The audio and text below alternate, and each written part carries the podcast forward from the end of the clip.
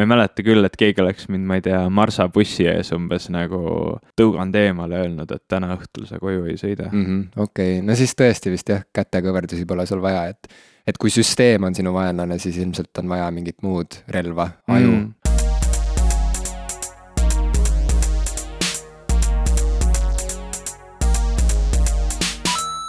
aga sul on seljas Iron Maideni särk ja me salvestame ja me salvestame maailma parima podcast'i popkulturistide üheteistkümnendat osa mm. -hmm. me oleme sisenenud oma uude kümnendisse. eelmine osa möödus sellises pidulikus, piduses meeleolus. vines. jah, seekord saame jälle kainemalt asja, asu, asuda asja kallale. kas me jätame nagu intro vahele? ei, ärme jäta aa, teeme ikka ära. tere, minu nimi on Ivo Krustok. tere, minu nimi on Jim Ashilevi. ja te kuulate podcast'i nimega popkulturistid jah, popkulturistid tõesti, väga tore on sinuga jälle siin olla ja täna me võtame ette siuksed eriti lahedad teemad, mis on seotud tehnoloogiaga, aga me lahendame neid, ma arvan, kuidagi niimoodi, et see võiks kõigile väga huvitav olla, ma vähemalt üritan seda, seda meeles pidada kogu aeg, et räägi ikka nii, et see tegelikult ka oleks huvitav, eks ole mm. -hmm, see on väga, ja see on, see on hea asi, millest juhinduda mm., räägi nii, et oleks huvitav ja, ja. aga ma arvan, et äh, ma mõtlesin, siin on, kuna me juba ühe korra oleme siin rääkinud erinevatest sihukestest tehnoloogiafirmade presentatsioonidest, siis ma nagu väga ei taha detailsustesse minna, aga kuna toimusid just kolm sihukest väga põnevat teadaannet noh, mitte ainult sihukest üritust, vaid, vaid nagu teadaannet, siis ma mõtlesin, et nagu korra võiks ära mainida, et võib-olla, võib-olla meie kuulajad natuke ootavad mingeid sõnumeid nende kohta, et, et püüame niimoodi kiiresti ja, ja, ja lihtsalt ära rääkida, et Nintendo, sa oled siin rääkinud mitu osa, kuidas sa ootad, et tuleks midagigi infokillukegi Nintendolt, et mis see nende järgmine suur saavutus, nende järgmine suur mängukonsool olema saab mm. -hmm. ja nüüd me ju teame ja. põhimõtteliselt, mis olema saab ja kuidas ja. sul tunne on? oi, ma olen väga elevil, see infokilluke saabus mõned nädalapäevad tagasi, kui Nintendo äh, väga niimoodi lakooniliselt äh, ja samas äh, väga teadlikult elevust üles küttes postitas sotsiaalmeediasse väikse vihje, et jälgige täna oma infokanaleid, tuleb üks teavitus mm. ja pildike oli juures äh, Super Mariost, kes siis sellise kardina tagant välja piilus ja põhimõtteliselt aha, nagu aha, jah, jah. lehvitas ja, ja see teavitus mm, saabus siis video kujul. Mm, see video on selline kolmeminutiline meeleolu, meeleolukas sihuke presentatsioon sellest, kuidas põhimõtteliselt äh, sa võid lõpetada oma elu elamise, sest et äh, Nintendo Switch täidab kõik su ööd ja päevad, kui sa seda vaid tahad. see oli sihuke elustiili video, eks ole, sihuke, et see on see Nintendo Switchi elustiil, mida sa nüüd elama hakkad, su sõbrad tahavad sind külla kutsuda, et sa nendega mängiksid. sa saad minna oma kodust välja oma mänguga, sõita, mängida, istud bussis, mängid, istud rongis, mängid, jalutad, mängid, sõbrad kutsuvad katusepeole, mängid mm, -hmm. kõik mängivad mm, -hmm. kodus mängid ka mm. -hmm koer haugub, sa ei vaata talle otsagi, lihtsalt võtad Nintendo kaasa, viid koera jalutama, aga kordagi koera poole ei vaata, sest et äh, sul on Zelda mäng parasjagu pooleli. ma sellest seda koera näinud ka, olgem ausad. täpselt, koer on kogu aeg samasugune, aga Zelda mäng, seda ju tahaks ikka näha, et, et mis see endast kujutab. ma eeldan, et see Zelda mäng tuleb uus, mitte remake. ja, ja, ja see on see, see on see põhiline müügiargument uuel konsoolil, aga ja ei, see jah, täpselt nii nagu sa kirjeldasid, nii see video ongi, taustaks mängib lugu, kus laulja väga mõnusalt laulab be yourself, life is what you make it või midagi sihukest, et, et ei, ei, kuidas see oli, be yourself äh,. Äh, kuidas see oli mm.? mitu korda sa seda video oled vaadanud? väga mitu korda okay.. Äh, ma olen näinud ühe, nii et ma neid sõnu, sõnu ei tule pähe mm.. ma võtan Youtube'i ette mm -hmm. ja, ja ma kohe aitan Jimmy sellega, et vaadata Nintendo. lase ah. seda lugu mikrisse korra ma ei tea, kas me rikume sellega autoriõigusi, aga kui ma väga lühidalt lasen, võib-olla siis on okei okay.. kusjuures see ei olegi automaatselt, ta ei täida ära, et, et see on Nintendo Switch. vaatame, mis siit hakkab muusika mängima. keri see natsa edasi, seal alguses see koer haugub. hobune mm, -hmm. väga hea, ei tea, ikka, ikka veel, ei tea. jaa, be yourself and try and have Be, be yourself and try to have a good time ja, ja okei okay. No, et- ma, ma rohkem, ma pidin siia peale ka veel seletama, sest muidu äkki pärast on äh, probleem, aga kui, kui me seda kommenteerime, siis see on fair use. ja, ja, ja absoluutselt. seda muusikat kommenteerida, nii et ärge palun kaevake meid kohtusse ühesõnaga Nintendo sõnum on see, et eh, be yourself on ju, mis tähendab seda, et ole enda vastu aus, tegelikult sa ju oled lihtsalt mängur, mitte miski mm. muu sind ei huvita mm, -hmm. ole aus, ole aus, be yourself. ühesõnaga pühenda kogu oma aeg mängimisele. Nintendole. jah, ja try to have a good time, loomulikult Nintendo abil see good time hakkab olema mm -hmm. ja, ja see good mhm. time on kakskümmend neli seitse. põhimõtteliselt äh, ära konsooli käest pane, üks mu sõber äh, tõi välja, et teda väga häiris selle reklaamvideo puhul just see, kui, kui, kui rajult seal rõhutati seda, kuidas sa peaksid justkui nagu igas olukorras, absoluutselt igas mõeldavas olukorras ainult mängima, et põhimõtteliselt lõpeta kõik muu. noh, mina seda päris nii siukse nagu, noh, ma ei näinud seda nagu nii väärastunud sõnumina, sest et äh, ma ise olen juba nii rängalt Nintendo sa oled juba nii ära läinud tehtud., sa pole oma koera aastakümneid näinud mu koer suri ära vahepeal isegi, et noh, et. Nintendo mängimisest. mitte Nintendo mängimisest, vanaisast, aga et, et ühesõnaga mina tulin Tartus Vanemuisest äh, just parasjagu vist etenduselt, mängisin mm. -hmm. seal Otellot ja jõudsin väsinuna tagasi külalistemaja tuppa ja Nintendo oli selle video üles riputanud ja ma vaatasin seda ja sain aru, et aitab sellest näitlemisest, aitab sellest kirjutamisest. märtsis kaks tuhat seitseteist ma ostan uue Nintendo ja siis alles algab elu, siis ma saan olla mina ise ja mm. -hmm. siis ma saan nautida. Try to have a good time. Jah. Äh, nojah, mina seda video nagu niimoodi ei tõlgendanud, et, et ma nüüd pean, eks ole, kõikides nendes kontekstides mängima, aga mul on see võimalus. mind jubedasti ajasid, ajasid äh, elevile need imepisikesed puldid, millega, millega sa kuidagi saad külgedelt need puldid ära võtta. saad ta kokku panna üheks väga kahtlase kujuga puldiks, sa võid sinna vahele mingi tüki panna, et tast normaalse kujuga pult teha, aga sa võid ka pool pulti siis sõbrale anda, siis siukse minipisikese puldi peal nagu kahekesi mängida. et äh, ma, ma tahaks täiega proovida, kuidas see asi tegelikult siis nagu toimima hakkab, et äh, põnev, äge äge tehnoloogia tegelikult, et sa saad nagu, ta on sihuke modulaarne, adapteeruv ja sealt ka siis see, et igal pool, kus sa vähegi tahad, sa saad siis mängida. jah, vaata, ma täitsa usun seda mm,, ma ei tea, kas see on siis teooria või no ütleme jah, et ma, ma usun seda, seda ennustust, et konsoolid ikkagi lõppkokkuvõttes äh, varsti kaotavad oma tähtsuse Mm -hmm. selles mõttes, et äh, nüüd, kus juba inimeste taskutes on telefonid, mis on sama võimsad kui, või no mis on võimsamad, kui olid mis iganes Playstation ühed, kahed mm. -hmm. et lõpuks äh, on see tehnoloogia jõuab oma võimsuselt äh, sellisele tasemele, et sul ei ole vaja osta eraldi konsooli selleks, et saada seda graafilist jõudlust, seda, seda toorest mootorit endale koju, sul on see kogu aeg juba olemas mm. -hmm. peaaegu igas seadmes, lõpuks sul on telekas ka sama võimas kui mis iganes konsool, mis praegu on olemas. nii et kokkuvõttes lõpuks loeb ainult see tarkvara, loe, loeb see mäng ise jah, ja see, kas see mäng nüüd tuleb sulle siin ekraanile läbi, läbi sinise karbi või läbi punase karbi, läbi kolmnurkse karbi või läbi ümmarguse, noh, see ei oma tähtsust. et, et konsoolide päevad on loetud, ma täitsa nagu usun seda, kuigi teatud kurbusega, sest et äh, mulle iseenesest see konsoolide äh, sihuke nagu noh, need esemed iseenesest meeldivad mulle, mulle meeldib, et konsoolidel on erinev disain, et neil on mingi oma sihuke nagu iseloom, mis tuleneb sellest disainist. aga noh, ma saan aru, et see on kõik sihuke nagu üleliigne sihuke, et ma fetišeerin natukene mm. -hmm. nagu üle ka neid, neid asju lihtsalt, sest et kokkuvõttes meil on niigi palju asju elus.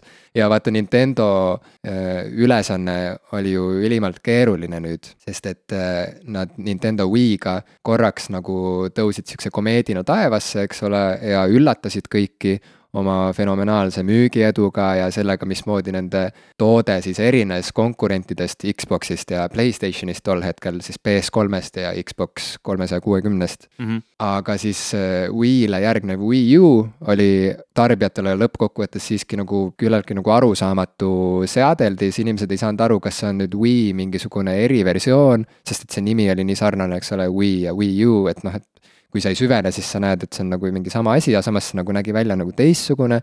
mis selle siis eriliseks teeb, seal ei olnud väga äh, neid third party mänge, eks ole mm, -hmm. et mhm. sa ei saanud mängida neid äh, põhihitte GTA-d ta ei olnud ka äh, väga võimekas, ütleme seal graafika poolest, et need põhihitid tahtsid just noh, praegu väga oluline ka mängu presentatsioon ja kui sa ikkagi saad kasutada neid võimalusi, mida need väga võimekad konsoolid ja arvuti pakub, et siis sa võib-olla mm -hmm. ei taha sellele Wii U-le arendada, sest noh, sa pead nii palju alla keerama seda, seda visuaalset poolt. jah, ja Wii puhul oli ju tore see, et see oli eh, üllatavalt odav mm. -hmm. Wii U jälle oli kallim, kui ma nagu nüüd puusse ei pane, aga vist oli et.... no oma, oma tehnoloogia poolest ilmselt oleks pidanud juba kallim ja. olema, sest oli keerukam. jah, ja, ja, ja siis nüüd äh, Nintendol ongi vaja ronida sellest august välja, mis, mille Wii U põhimõtteliselt tekitas. Nad peavad tõestama, et nad on endiselt konkurentsivõimelised ähm, noh, mängutootjad ja see on hästi keeruline aeg, sest et äh, konsoolid niikuinii on kaotamas oma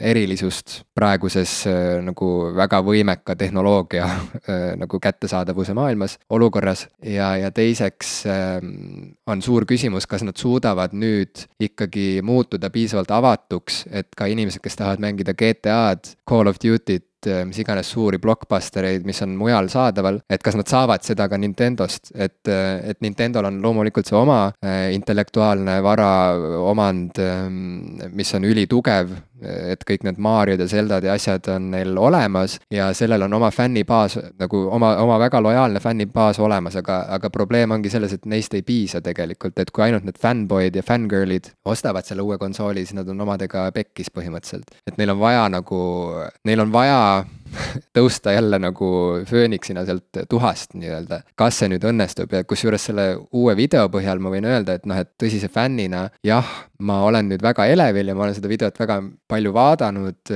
puhtalt sellepärast, et mul tekib sihuke lapselik, sihuke jõulueelne sihuke kõdi nagu kõhtu, et aa, et mingi mm. uus mänguasi, vaata, et varsti tuleb, äkki ma varsti saan ja siis ma saan kuidagi unistada, et, et, et ka mina saan seda kuidagi katsuda kunagi. aga, aga tead, tegelikult Äh, see kriitilisem osa minust või skeptilisem osa minust on ikkagi natuke juba murelik, et et võib-olla see konsool on ikkagi natuke, äkki ta on, vaata, kui Wii U oli sihuke veits arusaamatult sihuke mm -hmm. nagu segane asi või sihuke segane te tehnoloogiline lahendus. mulle tundub, et see uus konsool Switch, mida enne nimetati koodnimetusega NX ja nüüd on siis ametlikult välja hõigatud kui Switch. mulle tundub, et see Switch on veel keerulisem ja kuidagi arusaamatum asi. ta pudeneb nagu laiali, ta on nagu mingi asi, mis on mõeldud kõigeks ja neid kombinatsioone on nii palju, et kokkuvõttes ta nagu kaotab oma sihukese nagu lihtsa ta kaotab oma nagu lihtsuse, mul on sihuke kartus. nagu Wii U tõi siukse täiesti revolutsioonilise uue viisi mängida, sellise füüsilise viisi mängida, ta oli Wii, natukene. mitte Wii U. vabandust, jah, Wii, et, et siis see Switch nüüd tegelikult nad võivad küll rääkida, et see on selline revolutsiooniline modulaarne kontseptsioon, sa saad temaga mängida kodus, sa saad temaga mängida katusel, sa saad temaga mängida trammis, aga olgem ausad, meil on need seadmed juba olemas, aga enne viitasid sellele, et noh, need mobiilsed seadmed, mida me kaasas kanname, lõpuks see, see tunduski olevat niisugune tahvel, millele on külgedele ehitatud väikesed niisugused nupud ja mida saab kodus siis panna dokki ja telekast mängida, et noh, ta, ta ju midagi kuidagi ei erine enamus tahvlitest, mis tal on parem, on see, et kui mina praegu oma nutitelefoniga mängin või mingi tahvelarvutiga mängin, need mängud on mõeldud nendele seadmetele, nad on mõeldud puuteekraanidele. Ja ma tunnen küllaltki palju puudust nendest nuppudest ja sellest teistsugusest mängustiilist, et noh, puutetundlik seade eeldab enda tüüpi mänge, ta eeldab mänge, mis on selleks loodud.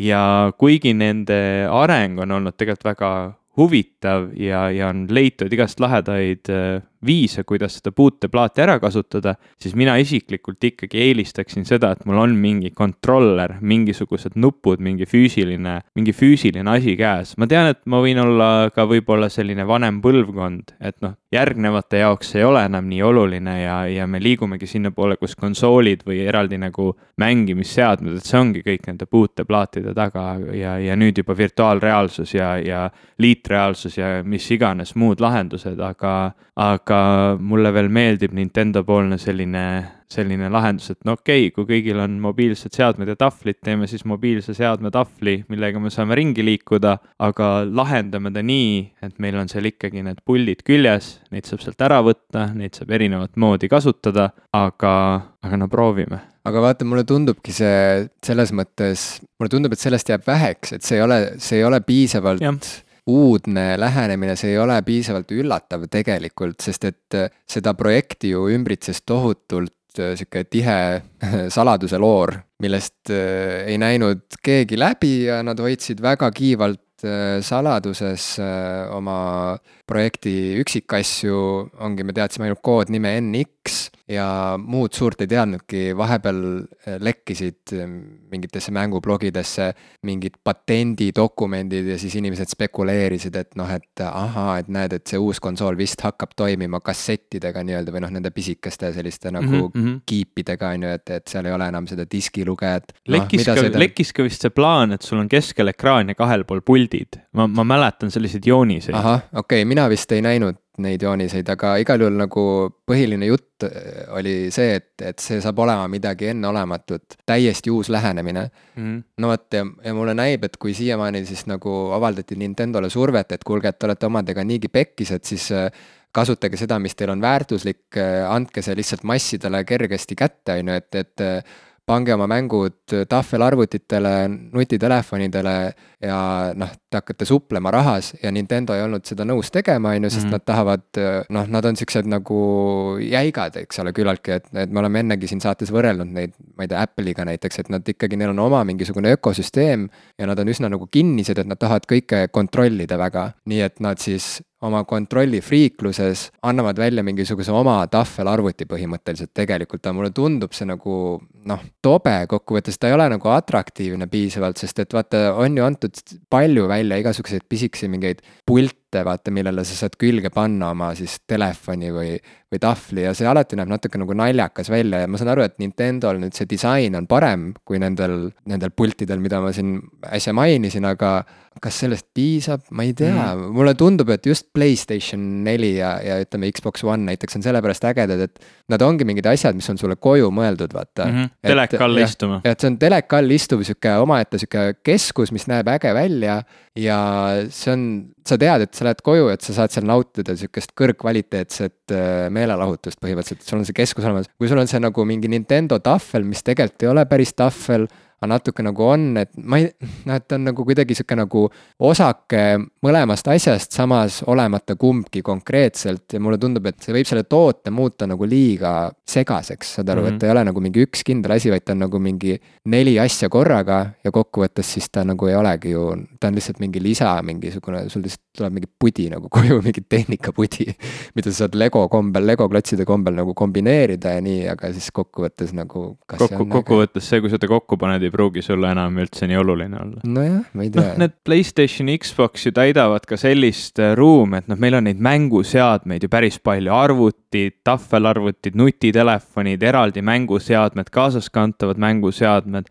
mida iganes, et, et noh, kõikidest nendest just need Playstation ja Xbox täidavad seda nišši, kus sa tuled koju väsinuna, viskud diivanile mm -hmm. ja mhm. siis mängid midagi mm. -hmm. ta on selline lõdvestunud mängimisstiil, ta ei ole see, et ma nüüd, ma ei tea, koduteel igavuses võtan oma Nintendo välja ja natukene mängin siin bussis nüüd kolmkümmend minutit või, või nagu arvutiga, et noh, ta ongi nagu, et ma nüüd istun maha ja mängin, eks ole, ma istun selle arvuti taha, see kuidagi tundub oluliselt aktiivsem, see on kuidagi oluliselt seotum mm. -hmm. et see, see telekamäng, nagu ta on olnud alates seal noh, tegelikult isegi varem, kui olid need eh, Super Nintendod ja, ja, ja Nintendo Entertainment System ja enne seda veel need Pongid ja mis iganes, ongi see, et sa lihtsalt viskud sinna diivanile ja mängid seda sellises eh, noh, mugavas asendis, rahunenud asendis ja lihtsalt mängid mm. -hmm. et noh, ma ei tea, see Nintendo uus Switch püüab nüüd kõike seda nagu korraga, nii seda liikuvat kui seda relax ivat kui ka seda, ma ei tea,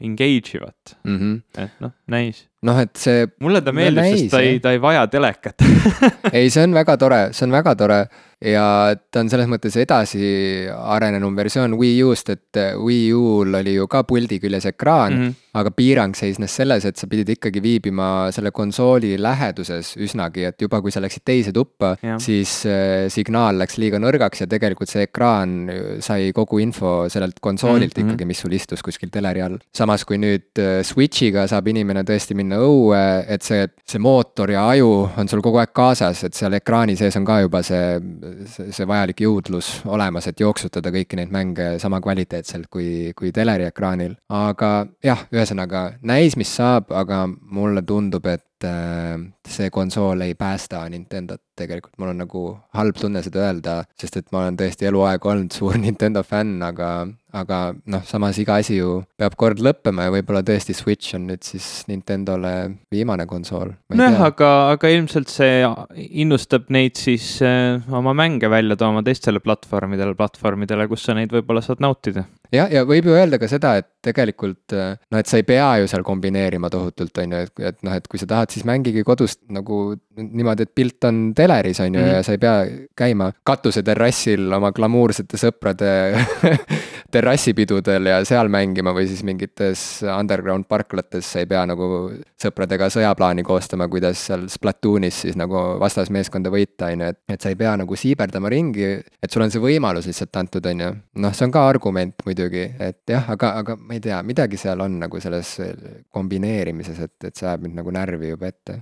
kaks, kaks kaks üritust oli ka veel vahepeal, üks oli Microsofti oma, teine oli Apple'i oma, kui palju sa nendest tead, kui palju sa tead, mis seadmed seal välja toodi, on sul mõtteid selle osas? hästi pealiskaudsed teadmised on mul nendest üritustest, põhimõtteliselt ma olen aru saanud, et Microsoft äh, viskas kinda Apple'i näkku oma uue all-in-one äh, arvutiga, mis mm, -hmm. kus põhimõtteliselt äh, sarnaselt iMac idega on sul siis nagu seade, kus ekraani sees on, on, on nii aju kui mootor mm -hmm. ja. ja pilt. ja, ja pilt, on ju, ja et see on kuidagi äge ja, ja teiseks, et Apple andis välja siis uued MacBook Prod, kus on mm ka sihuke väike äh,. lisaekraan. ühe nupurea asemel on sihuke piklik ekraan jah, kus mm siis nagu need äh, nupud muutuvad vastavalt vajadusele mm. -hmm. et on nuppude asemel on pildikesed no vot, see on see, mida ma tean mm. -hmm. ma ei tea, kumbki nendest uudistest tegelikult eriti ei eruta mind, mulle tundub, et see Microsofti uudis natuke on huvitav, sest et see on vist kuidagi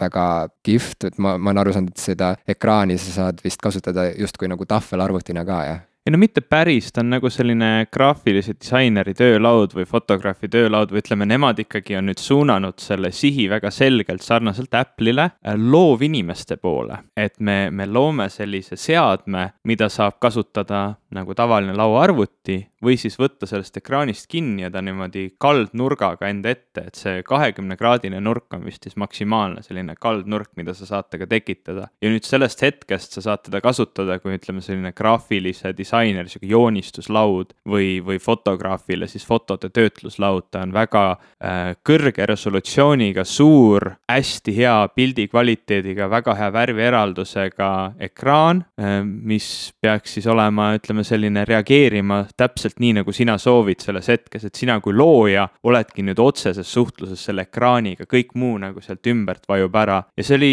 see on kuidagi sihuke väga lahe ja elevust tekitav värk, võib-olla, võib-olla see tekitas minus nagu rohkem elevust, sellepärast et ma vaatasin seda Microsofti üritust, noh, ma ootasin ka seal, mulle tegelikult see Surface'i tahvelarvutite liin väga meeldib ja ma ootasin sealt võib-olla mõnda põnevamat uudist, sest olgem ausad, seda minimaalselt kolme tuhande dollarilist ja nüüd Ameerikas sinna veel maksud juurde, pluss kui ta Euroopasse tuleb veel, noh, ei tasu rääkidagi. see on minu hinnaklassist väljas, see on seade inimestele, kes teenivad raha oma arvutitega, teenivad suurt raha oma arvutitega. ja, ja mulle nagu, ma vaatasin seda üritust ja ootasin sealt, noh, midagi põnevat ja see esimesed, noh, esim-, vähemalt esimesed tund aega, ilmselt ka rohkem, oli nii ääretult igav, et ma jäin magama nagu reaalselt ma magasin, siis ma ärkasin mingi hetk niimoodi üles, et ma nägin, oo näed, juba räägitakse Surface'ist, et ma loodan, et ma midagi maha ei maganud mm. kas sa olid seal kohapeal või sa vaatasid seda kodust? ei no ilmselgelt ma ei olnud Ameerikas, ma vaatasin seda kodust no,. no mina ei tea, kus sa vahepeal käid ka jällegi halb variant. sa oled nii suur Microsofti austaja, et võib-olla sa tõesti läksid kohale. no oleks saanud, oleks, ei oleks läinud, olgem ausad.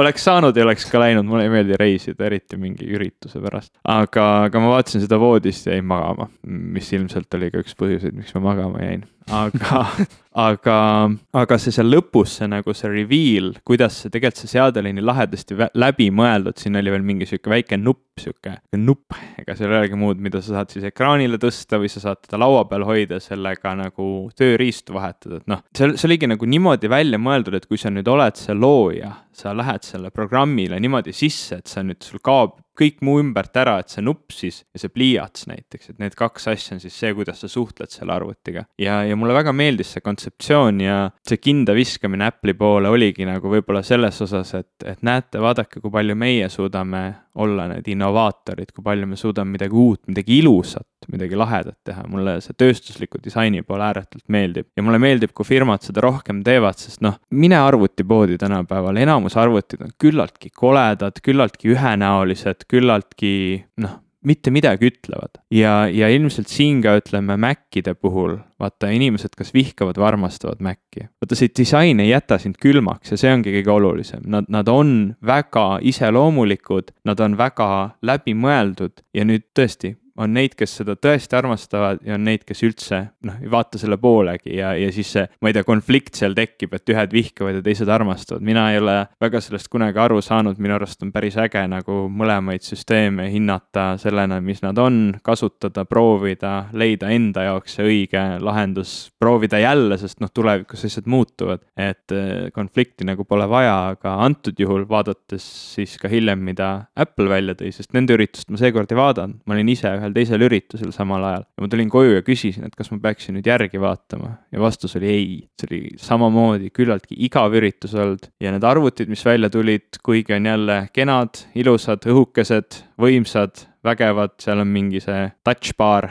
siis nii-öelda juures, sihuke ilus värviline ja, riba. Touch ID, eks ole. ja Touch ID. mis tegelikult noh on lihtsalt Apple'i universumis võib-olla uus asi, aga mm -hmm. muidu ju ei ole. või noh, ütleme iPhone idel, iPad idel see on juba harjumuspärane lisafunktsioon mm, -hmm. aga, aga läpakatel mitte. noh, et jällegi, et see nagu seda müüdi kui mingit innovaatilist sammu edasi, aga tegelikult see samm on ju juba astutud teiste poolt. no nagu ikka. ja noh, tegelikult neid lauaarvuteid, millel või mis lauaarvuteid, sülearvuteid, millel oli olemas see sõrmejälje lugeja. Touch ID, just. noh, mitte ainult, mitte Apple'i maailmas, vaid vaid ütleme kogu sülearvutite maailmas, neid ja. arvuteid, millel oli sõrmejälje lugeja, on tegelikult ammu juba tehtud. jaa, just, just. lihtsalt Apple on, on väga hästi suutnud luua selle süsteemi väga ilusasti turvaliselt, äh, hästi läbimõelnud, lahendanud ja selle nüüd nagu sellise üldsuse pilti viinud, et sa saad osta omale asju netist mm. -hmm, ja vot mm -hmm. seda teema ma vaatasin selle Apple'i ürituse ajal, ma hiljem vaatasin nagu klippe sealt ürituselt ja, ja kui ma nägin, et Craig Federighi äh, tellis omale Etsist mingisuguse vasest meditatsioonipüramiidi, siis mul juba hakkas nii ära kammima, et ma mõtlesin, et ma ei viitsi seda üritust üldse vaadata, et ma mõtlesin, et Craig Frederic'i pole kunagi müüdimurdjaid vaadanud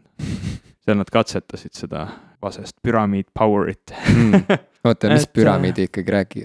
ei, ta, ta läks Etsisse, ta demonstreeris seda Touch ID-d, eks ole mm, -hmm. läks Etsisse ja siis vaatas, et näete, et siin on sihuke äge meditatsioonipüramiid, näete, ma saan kohe ühe sõrmevajutusega ah, ära osta okay.. see on sihuke demo osa mm. -hmm Frederiki muidu on niisugune hea ettekandja, et nendest, nendest, kes neil seal praegu on jäänud neid ettekandeid tegema, on tema nagu võib-olla niisugune, niisugune lahedam mm. -hmm aga Microsofti poolelt jälle Panos Panay, kes juhib kogu seda seadmete poolt Microsoftis, noh, tema ikka, seal on näha vaata seda, et kui inimene tuleb lavale, ta tõesti on kirglikult armastab neid tooteid, mida ta teeb, et seda on alati väga lahe vaadata mm.. et ma ei tea, Apple'i puhul nüüd juba jääb tunne, et seda kirge on kuidagi vähem, et see on nii välja treitud ja, ja kuidagi see ettekannete värk, et noh, samamoodi nagu me eelmine kord rääkisime Mm -hmm. Microsoftil oli samamoodi poolteist tundi, siis Panos Panay tuli ja, ja siis nagu ma ei tea, kuidagi nagu lihtsalt nagu füüsiliselt kandis üle seda, kui väga ta seda kõike armastab ja see, mida ta räägib, kui palju ta sellest kõigest mõtteid ja tundeid on, et see mulle meeldis mm. -hmm. vot. no saab ma... näha, mismoodi siis Nintendo enne märtsi millise entusiasmiga nad lõpuks. kas Nintendo'l on häid esitlusi olnud või? jaa, e, kusjuures ju nende viimane ülesastumine E3-l oli ju üpris õnnestunud, vähemalt mm. kuulu järgi, sest et nad eristusid seal muust massist tänu sellele, et nad otsustasid oma konsooli üldse mitte näidata ja ainus asi, mida nad näitasid, oli see uus Zelda mäng ja nad rentisid suure pinna endale seal äh, konverentsikeskuses ja, ja terve see pind oli siis kuidagi dekoreeritud Zelda, noh, et sinna oli ehitatud see Zelda maailm, ühesõnaga, et inimesed said sinna siseneda ja said nagu, said väga otseselt osa sellest, et äh, mis on tulekul, et nad põhimõtteliselt lõid sihukese nagu Zelda keskuse, äh, kus sai lihtsalt kaifida suurtelt ekraanidelt seda, seda ilu, mis, mis neid kõiki ees ootab. Ja see tekitas päris parajal hulgal elevust tegelikult või noh, kuidagi see mõjus nagu hästi Nintendo mainele. nii et me, me siis arvestame, et kui me vaatame seda Nintendo Switchi esitlust, me vaatame, kui emotsionaalselt investeeritud nad sellesse on, kui palju nad sügavalt nad sellesse usuvad ja sellest siis näeme ka ära võib-olla, kui hästi see asi hakkab minema. jah, et näeme, kas neil on nagu surm silme ees, kas nad nagu võitlevad oma elu eest põhimõtteliselt seal lava peal või mitte. mina võin öelda, et nagu isegi kui nad magades mulle seda presenteerivad, siis ma ikkagi hangin endale selle Nintendo okay. Switchi sest uut, uut fan. MacBooki tahad? jaa, ikka, kas sul on või ei ole, ei ole anda kahjuks. okei, et um, sorry, ma nüüd nagu tõin jälle selle Nintendo teema sisse mul jäi kripeldama see, et uh, tegelikult vaata, väga lihtne on niimoodi uh, oma pehmel toolil lösutades nagu maha teha mingisugust äh, asja, mida inimesed on aastaid äh, järjest mm -hmm. üritanud nagu välja mõelda ja kokku panna ja esitleda ja, ja, ja müüa ja ühesõnaga, et, et see, see, kui võrrelda nagu seda erinevust, et kui palju vaeva võtab mul nagu see väljaütlemine, et ah, see on, see tundub pask, ma arvan, et see viib nad põhja ja kui palju vaeva läks tegelikult sihukese asja väljamõtlemisega, nad on ju teadlikud sellest, et mis turul toimub no,, nad on teadlikud jah. sellest, mida nende konkurendid teevad, nad on teadlikud sellest tehnoloogilisest reaalsusest, kus nad viibivad, on ju.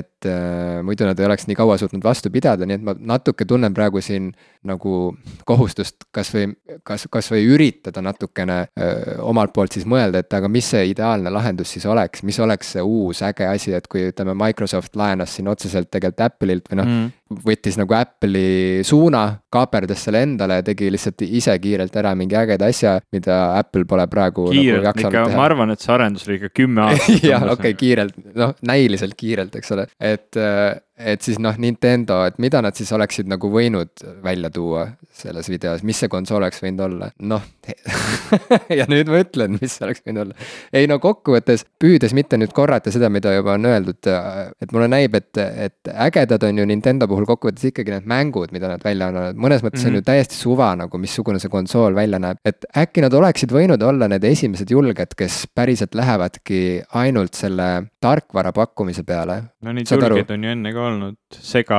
enam ei tooda mäng, mängukonsoole. jaa, aga ma mõtlen, et nagu see, äh, et nad pakuksid seda tõesti nagu kõikvõimalikel platvormidel äh, kuidagi sarnaselt äh, võib-olla Netflixiga, mis nagu mm -hmm. äh, noh, müüb sulle, eks ole, sarju ja, ja filme ja, ja stand-up comedy etendusi ja nii edasi, et, et neil on see, neil on see intellektuaalne vara olemas ja põhimõtteliselt äh, nagu Netflix enam ei saada inimestele postiga VHS-e ja, ja DVD-sid koju mida pärast peab postiga tagasi saatma, et siis, siis sarnaselt võiks ka Nintendo võib-olla äh, pakkuda sulle võimalust hakata nende püsikliendiks, et sa lood oma konto ja põhimõtteliselt sul on vaja, noh, kui sa tahad mingit Nintendo vidinat, sa võid tellida endale näiteks mingi special Nintendo puldi, eks ole kus näiteks ma ei tea, seal on mingi nupp, et vajutad seda nuppu ja siis kohe läheb sul see Nintendo teenus lahti mm. -hmm. aga põhimõtteliselt, et sa saaksid seda teenust avada nii nagu Netflixigi oma telefonis, oma tahvlis, oma PC-s, oma Macis, kus iganes põhimõtteliselt oma vetsupotis, oma peeglis Nintendo teenusena. jah, et mm, -hmm. et kuidas see sulle kõlab, kas, kas see kõlab sulle pigem nagu allaandmine või see tundub sulle nagu samm tuleviku poole? Ta ei ole allaandmine, ta on strateegia ju ikkagi, ta on, ta on lahendus ja, ja selles suhtes äh, võib-olla tõesti see oleks olnud tugev ja julge samm just selles osas, et me oleme Nintendo, me teeme ikka asju nagu meie teeme. me lihtsalt nüüd teeme seda teistele platvormidele ja mitte nii, et me hakkame nüüd müüma oma mänge teistele, ma ei tea, jaoturitele, teistele mänguarenduskeskustele, hakkame siin nagu all tööd tegema ja mida iganes, et ei, et me oleme Nintendo, meie kontrollime seda kõike, aga teil, meie kallid kallid fännid, kliendid, on nüüd võimalus seda nautida täpselt seal, kus te tahate. ja võib-olla see on Nintendo, mida me näeme mõne aasta pärast, kui, kui see nende tehniline pool, noh, ütleme, võib-olla võtabki sinna suuna, me juba näeme seda natukene sellega, et, et Nintendo mängud siin vähemalt üks neist tuleb iOS-i peale ja mm. -hmm. ma ei tea, Androidile vist mitte, see oli ikkagi Apple'i enda esitlusel, nii et ma eeldan, et seda nüüd laiemalt ei. Androidile see tuleb hiljem. tuleb hiljem, okei okay., jah, mul aga... ei olnud meeles ka see värk. aga see noh, eks siin nagu vastuargument on kindlasti see, et esiteks Netflixiga võib-olla ei ole nii õige seda võrrelda, sest et ütleme, ühe filmi või, või mis iganes video content'i striimimine nõuab vähem jõudlust sealt seadeldiselt, eks ole mm. -hmm. et, et ma kujutan ette, et see uus Zelda mäng, see lihtsalt äh, nõuab rohkem musklit. no sa äh, pead masinalt. tegema eraldi mängud, ütleme, olgem ausad, nüüd sa peadki hakkama siis mõtlema, et me teeme Mario mängu, mis töötab nutitelefonidel, me teeme Mario mängu, mis on parem tahvlitele mm, -hmm. me teeme Mario mängu, mis töötab konsoolil ja yeah. nii edasi kõikide meie IP-dega, et noh, et siis ei ole enam see, et me, me nüüd teeme ühe mängu, mis peaks ideaalselt kõigil töötama, sest noh yeah., olgem ausad, see ei, ei. ja et, et kui ma üritan mõelda, et mis on see põhjus, miks nagu endiselt äh, mingi firma peaks olema motiveeritud tootma mingit nagu, mingit masinat, mis on spetsiaalselt tema mm. mängude jaoks, et siis see peamine põhjus ju ilmselt on ikkagi see, et nad tahavad garanteerida, et nende mängud toimivad äh, veatult. jah, nad tahavad kontrollida masinaga... sinu mängukogemust. jaa, just, et. ja see on ka oluline osa. see on super oluline, sest et ilma selleta tegelikult mm. laguneb ka kõik ju koos. et võib-olla tõesti siis on ju, me veel täna siin aastal kaks tuhat kuusteist oktoobris ei ole veel selles punktis, kus jah, et igal inimesel on äh, mingi seadeldis juba olemas, mis on äh, võrdväärselt võimas kui, kui kõik, mis iganes mingid nagu suured konsoolid, olulised konsoolid. võib-olla tõesti, on ju, aga jah, ühesõnaga asi polegi isegi niivõrd võimsuses, vaid selles, kuidas sa suhtled nende seadmetega, need on erinevad. ja noh, ma ütlen, et sinu see märkus, et tegelikult need insenerid ju, kes nende asjade kallal töötavad, need ju ise, nad ju ise armastavad seda tööd, mis nad teevad, vähemalt nagu paljud neist või ma loodan seda paljude puhul neist, et nad saavad armastada seda, mida nad teevad ja, ja kui see inimene seda, seda pulditehnoloogiat välja niimoodi mõtles, et sa saad neid nii ja naapidi ühendada ja, ja, ja mõtle, mida kõike selleks tuli teha ja kui palju probleeme tal tuli seda lahendada, ta armastab seda seadet, et noh, see on see on võimas värk, ma loodan, et nad saavad selle üle kanda tarbijatele, selle elevuse. vaata sarnaselt, vaata nagu see, kui võrrelda nüüd selle Microsofti uue, mis selle asja nimi üldse on? Surface Studio. Surface Studio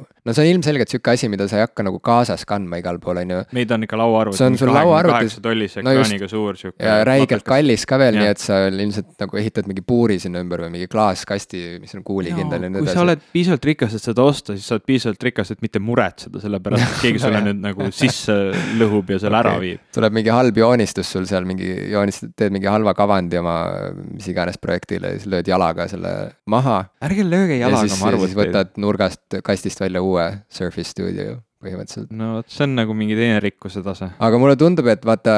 viskad et... arvuteid prügikasti nagu siukseid panu-, koledaid nagu... halvasti välja tulnud jooniseid yeah. et, et põhimõtteliselt nagu okei okay,, et selle sa ostad, sulle, ostad endale koju, see on sul laua peal, see väärtuslik, hea, kallis või võimas asi. et aga samas, kui see Nintendo Switch nüüd vaata, kui ma nagu tahan seda ekraani igale poole kaasa võtta, ma tegelikult ei näe, et siin nagu Tallinnas ringi liikudes ma reaalselt nagu pistaksin selle selle ekraani nüüd endale nagu kotti, mis on küllaltki suur nagu ikkagi, sest mm -hmm. et ta on mhm. nagu piisavalt suur, et see pilt oleks nagu mõnus, mõnus vaadata, on ju.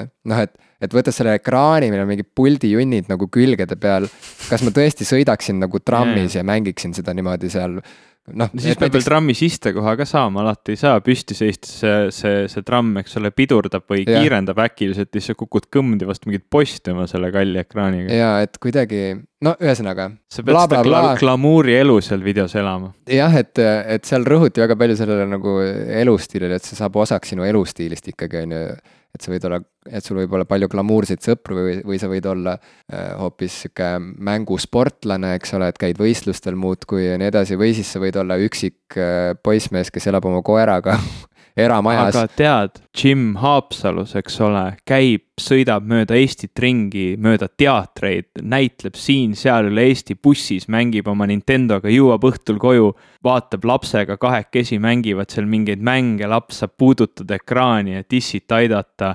siis, eks ole, läheb Haapsalu peale kõndima, välja, eks ole, ööelu Haapsalus, tuled põlevad, läheb mere äärde, istuvad naisega kahekesi või, või elukaaslasega, eks ole, kallistavad seal ja siis võtavad veel, veel välja niimoodi seal kuuvalgel, eks ole, oma Nintendo, et, et natukene Mariot mängida. jah, et jumala eest ei vaataks päriselt sinna vee peale, kus luiged parasjagu seal. seda vaatab ka, see on osa tantsu. sellest elustiilist aga. aga vaata, mul no, juba, mul ongi tunne, mul juba on olemas Nintendo 3DS mis käib mõnusalt kokku, on sihuke hea kompaktne, see võib maha kukkuda, see ei lähe kohe katki. ta on nagu mõeldud selleks, et sa võid selle tasku pista ja sellega ringi käia, ta on täpselt õige, õige suurusega ja sihuke no ongi kaasas kandmiseks mõeldud, mulle tundub, et see Switch'i pult nagu on veits nagu imelik asi, mida kaasas kanda, ta on lihtsalt nagu, ta on liiga suur, et olla nagu kompaktne. ta tundub liiga õrn, sest et seal ei ole mingit katet, mida peale panna, võib-olla nad hakkavad müüma mingit nagu kaasaskandmist, mingit karbikest sellele, mida iganes.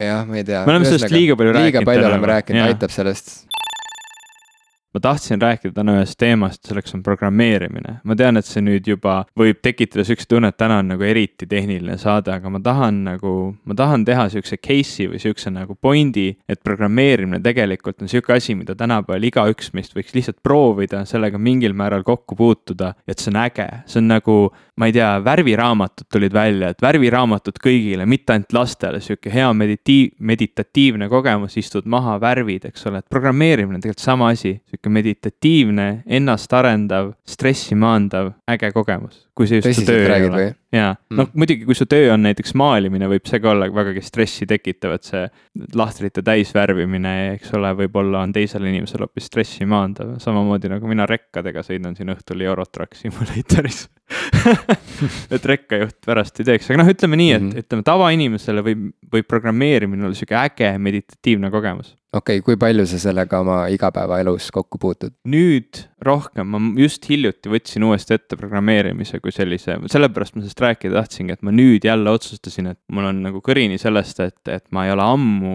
üldse pidanud sellega tegelema. ma ei ole pidanud ennast selles arendama, ma olen sellega kokku puutunud ainult nii palju, kui mul on seda tööks vaja olnud erinevatel etappidel. et ma tahaks tegelikult mingeid ülesandeid lahendada, ma tahaks midagi nagu ägedat õppida juurde hmm oled okay. sa programmeerinud kunagi äh,? ei, ei ole, ma olen ainult teinud kodulehekülgi. mingite HTML-i kirjutanud või, või, või CSS-i isegi midagi? Tead nüüd, kui sa ütled HTML ja CSS, ma juba nagu veits ei tea, mis vahe seal on, et äh, ma olen okay. mingite lihtsate tööriistade abil meisterdanud kodukaid, kui mul, kui ma blogisin aktiivsemalt, siis ma timmisin oma blogide kujundusi koodi abil. Mm. -hmm mitte ainult selliste lihtsate nupukeste abil, mis seal menüüs olid, aga sellega see kõik piirdubki, nii et äh, lühike vastus on, et ei, tegelikult ma ei tea mitte midagi programmeerimisest, ma ei tegele sellega. aga sul pole nagu mingit sihukest huvi, huvi tulnud, et maailm ümberringi, sa oled ka ju sihuke küllaltki tehnofiil, võib öelda, et, et sihuke tehnika ja mängud ja et noh, kuidas neid teha, kuidas tegelikult seal kõik kapoti all toimib? jah, ei, see ei huvita mind, mind, mind huvitavad ainult need, need, need valmis asjad. värviline karp mida ma siis hiljem saan kritiseerida öelda nii-öelda jalg üle põlve, et see kukub teil läbi varsti, et. minge tagasi joonestus laua taha. minge tagasi, minge tagasi, ma ootasin midagi enamat mm nojah, tegelikult on ju see mõistetav, et selles suhtes äh, ma arvan, et kui nagu hakata sealt pihta mõttega, et aa, programmeerimine on mediteeriv äge kogemus, mida kõik meist peaks, peaks nagu proovima ja tegema, et see, see vastus on küllaltki tühi sihuke haigutus või, või, või ütleme, sihuke ära pläma tüüpi. vaata ei, tegelikult noh, ma võin ennast viia sellesse, ma ei teagi siis nagu seisundisse kus ma kus ma suudan ka programmeerimist näha väga, väga nagu põneva tegevusena. et äh, noh, ma vaatan näiteks seda sarja Mr Robot, on ju, ja siis mm -hmm. nagu seal näidatakse programmeerimist väga ägeda ja siukse nagu seksika tegevusena sest et seal on nagu oma sihuke mingi pahe, pahelisus ja nagu oht käib sellega kaasas justkui ja.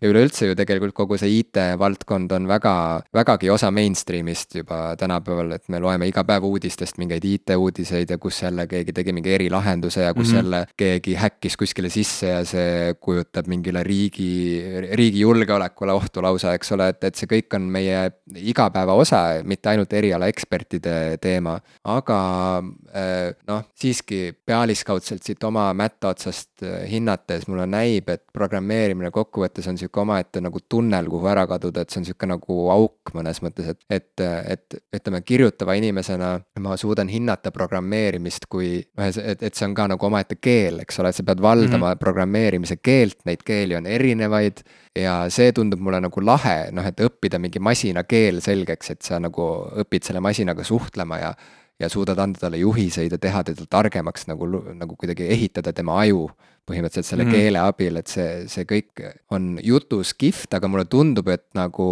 eemalt vaadates ikkagi ta on nagu pelutavalt sihuke nagu äh, sihuke nagu üksluine nokitsemine tegelikult või kuidagi, et sa lihtsalt nagu oled selles koodirägastikus ja muudkui nagu toksid ja muudad asju ja kogu aeg tulevad mingid veateated, et sa nagu midagi uuendad, siis tuleb jälle mingi uus error ja, ja põhimõtteliselt sa nagu, et see täidab su aju põhimõtteliselt ikka nagu väga mm, noh, et see võtab su nagu aju üle kuidagi mingis mõttes, võib-olla lihtsalt mul ei ole ajus ruumi rohkem nagu sellise mm. -hmm. et mul see, see kinnisvara nagu peas on juba hõivatud, et, et kuna aju on ütleme, täis, ruum on nagu, otsas. raamatu kirjutamine hõivab ka ikkagi väga suure yeah. osa ajust ja kui sa tahad veel osata rääkida pärast seda veel ka oma sõprade ja lähedastega, et, et siis sa hoiad mingi kõnekeskuse veel nagu puutumatuna oma peas ja siis sealt ei jäägi nagu väga palju ruumi muuks, et. ei taha arvutikeeles või programmeerimiskeeles sõpradega rääkima hakata. ja ma mäletan, et äh, üks üks tuttav programmeerija, kes oli tõesti nagu sihuke kõva programmeerija ja ilmselt on siiani, ütles küll, et programmeerimisega kaasneb selline ametihaigus, et sa hakkad nagu kogu ümbritsevat maailma nägema läbi koodi mm. -hmm. noh, et sa hakkad nagu nägema seda koodi, mis üleüldse nagu maailmaga käimas ma, ma täitsa saan sellest aru, kui näiteks bioloogiat õppida, siis hakkad samamoodi kõiki inimesi käsitlema nende, ma ei tea, ökoloogiast ja bioloogiast tulevate reeglite järgi ja mõtledki, et noh, näed jälle ahvid kaklevad mm. -hmm. et noh, see on sihuke lihtsustus, aga.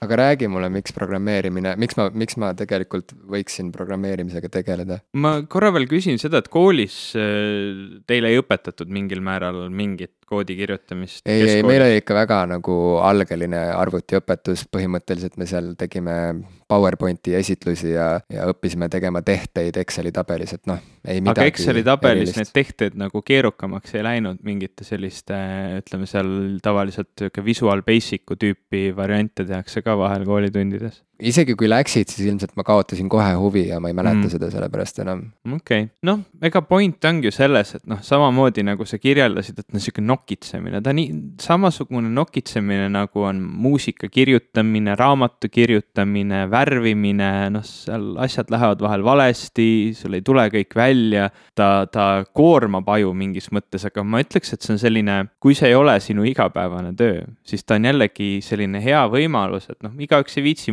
muusikat mängida või raamatut kirjutada või, või värviraamatuid täita või, või maalida.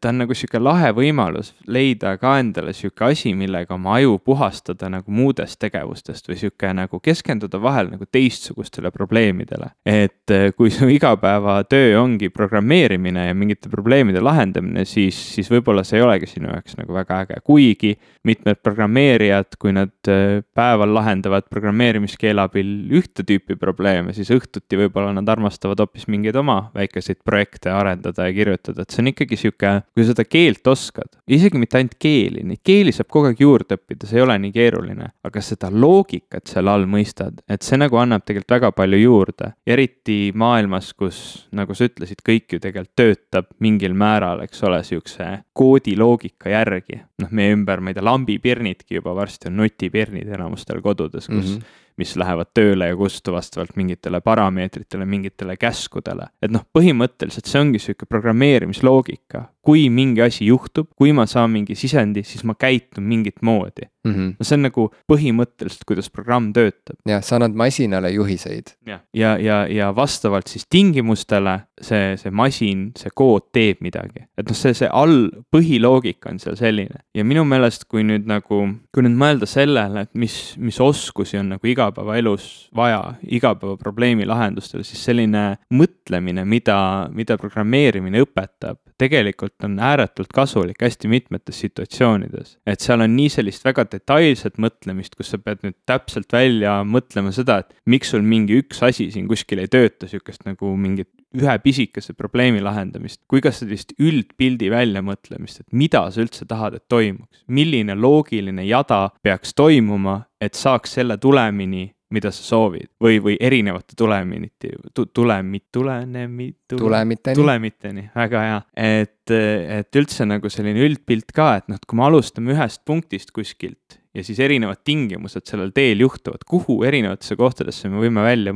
välja jõuda. et see on nagu minu arust see programmeerimise õppimise nagu väärtus, et ta, ta aitab neid probleeme lahendada ja minu jaoks ta on nagu, noh, ma ei tea, kui paljudel inimestel on nagu väga häid kogemusi mata ülesannete lahendamisega koolis või üldse mingite tekstülesannete lahendamisega, aga no mina, kes ma olin matas ülikehv ja tõesti, see oli nagu suur sihuke häbiallikas mu jaoks mm. isegi ja panustas äh, kõvasti mu alaväärsuskompleksi väljaarenemisse ja kõigesse, et et, äh, et ma võin siiski öelda, et ma sain näiteks kooli ajal mingi aukirja või mingisuguse äh, eridiplomi selle eest, et ma kirjutasin essee matemaatika ilu, valu ja võlu mm.. ja ma rääkisin sellest, äh, mismoodi ma ei oska üldse matat, aga kuidas parematel hetkedel on ikkagi tehte lahendamine tõeline rännak isegi, et on nagu omaette sihuke seiklus, et sa kaod nagu mingisuguse, jällegi sa kaod mingisse nagu tunnelisse mm. ära ja, ja siis seal nagu eksled ja katsud sealt nagu väljapääsu leida ja see kõik on nagu väga põnev tegelikult, et see on sihuke nagu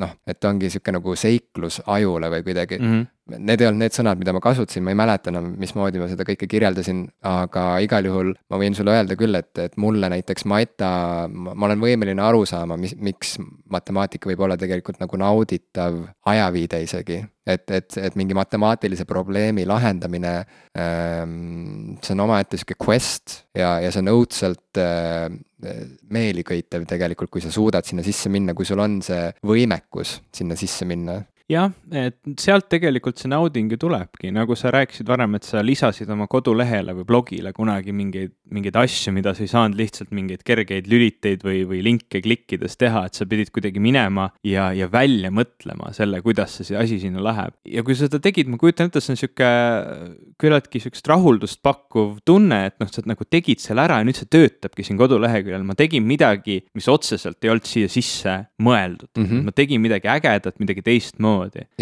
ja sama on noh, igasuguste sihuke tekstülesannete lahendamisega, et minule nagu eriti avaldavad muljet või meeldivad sellised ülesanded, mis ei anna sulle liiga palju infot kätte, et koolis just see probleem ongi tihti, et noh, me siin ühes osas rääkisime ka, et noh, et kõik parameetrid on mainitud ja sinu ainuke ülesanne on visata sisse mingisugune valem mm. -hmm. vot see nagu ei ole see probleemi lahendamine, mida, mida programmeerimine pakub. programmeerimine pakub just seda, et meil on mingi, mingi sihuke laiem probleem, mingi küsimus, ja nüüd me peame välja mõtlema, kuidas seda lahendada, see tunne, kui sa lõpuks saad selle õige lahendi seal lõpus. vot see on nagu see hästi sihuke äge tunne, see on see, mis nagu söödab seda ja, ja ma kujutan ette, et noh, nagu kohati võib see olla sarnane tunne, kui et oh, ma kirjutasin täna päris ägeda loo või mõtlesin mingi ägeda rihvi välja või, või kirjutasin ägeda luuletuse või noh, ma seda ei saa päris võrrelda sellega, et noh, koodijupike, mingi väike ülesande lahendus ei ole päris see, et ma kirjutasin laheda raamatu, et ma ei tea, võib-olla siis arvutimängu kirjutamine nullist võiks olla nagu võrreldav selle kogemusega mm.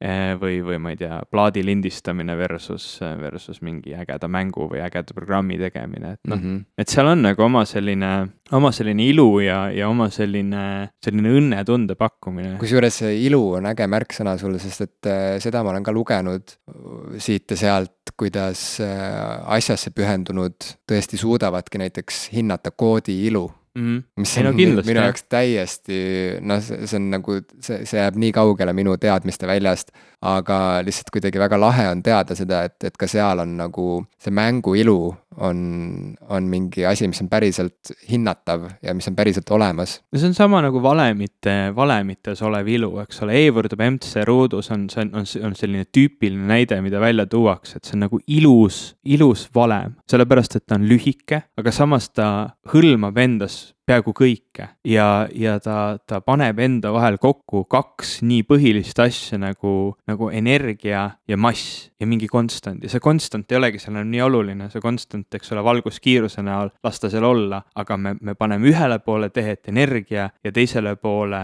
massi ja see asi nagu toimib, et sealt, vot sealt tuleb nagu selle valemilu ja samamoodi koodis, et noh, on neid erinevaid aspekte, mida sa saad hinnata, et kas seda, et sa saad võimalikult väheste sammudega mingi väga keerulise ülesande lahendada või sa kasutad väga huvitavalt ja ilusasti ära seda süsteemi, milles sa töötad. tänapäeval on arvutid küllaltki võimekad, vanasti, kui sul ikkagi no tõesti ei olnud peaaegu mitte mingit ressurssi seal arvuti sees, ei olnud ei protsessimisvõimet ega mälu, siis sa pidid ikka tõesti ilusalt ja huvitavalt seda koodi kirjutama, lahendama, et sa üldse midagi saaksid ära teha. Ja seal, sealjuures noh, ma vahel vaatan siukseid videosid, kus, kus selgitatakse näiteks, kuidas arvutitel vanasti graafika töötas, kuidas mänge tehti, graafilisi mänge, eks ole, kuidas see kõik peaks koos toimuma, et Nintendo Entertainment Systemil see, see Mario tegelane, see, see Super Mario, mis ringi liikus seal mööda ekraani, et see koosnes neljast erinevast väikesest sprite'ist, mis olid kuidagi niimoodi omavahel koostööd tegema pandud, et see nagu üks tegelane justkui liiguks mööda ekraani ringi, kuigi ta koosnes neljast väikesest tegelasest mm. -hmm. sest sa ei saanud suuremat tegelast joonistada, nii et sa pidid neli tükki kuidagi niimoodi kokku panema, et ta iga hetk ideaalselt niimoodi ringi liiguks, et mm -hmm. noh. Mhm. ja, ja mitu värvi sa said korraga mingi ühte lahtrisse paigutada, näiteks, et mingid piirangud, et sa pead, sul ei ole nagu ruumi, et iga piksel eraldi värvida mm. -hmm. sellepärast, et mälu saab täis mm -hmm.. Noh, see tänapäeval on lihtsalt noh, absurdne, meil on miljoneid värve, mida sa saad korraga ekraanile kuvada ja topi neid ükskõik kuhu, aga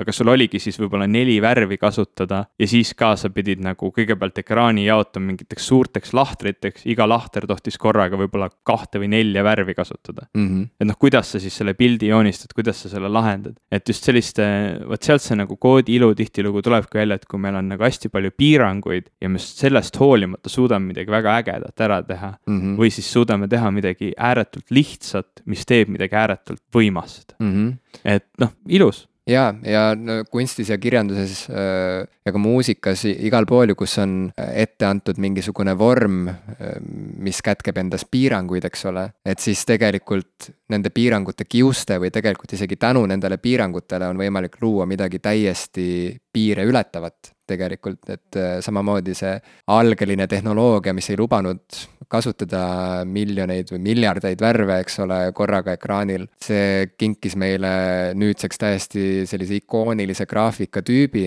mis mm -hmm. ongi see kaheksa biti esteetika mm, -hmm. eks mhm. ole. et tänu sellele piirangule tegelikult me saime mingi asja, mis äh, on äh, noh, nii omanäoline ja eriline ja äge, et me ei mõtle enam piirangute peale, vaid me mõtlemegi ainult selle peale, kui tuus see on, kui, kui, kui isikupärane, kui, kui äratuntav mm. -hmm. aga koodi ilust veel rääkides äh, meenuvad mulle mingid naljakad lood sellest, kuidas erinevad programmeerijad ka vahetevahel jätavad mingeid lollakaid, naljakaid sõnumeid oma koodi sisse, mida ainult teised programmeerijad suuda, suudavad leida ja ja kuidas mm nad vahel signeerivad oma koodi äh, kuidagi nii, et ma ei mäleta nüüd, kas Sony või Nintendo keegi arendaja samamoodi kuidagi töötas seal firmas mõnda aega ja siis mingi hetk läks ära, aga need konsoolid, mis veel edasi müüki läksid, et need ikka veel sisaldasid tema mingit signatuuri seal sees, millest mm noh, kasutaja ei saanud sellest iial teada, aga põhimõtteliselt, et nende konsoolide sees oli mingi mehe nagu allkiri või mm, või sihuke nagu mina olin siin yeah. sihuke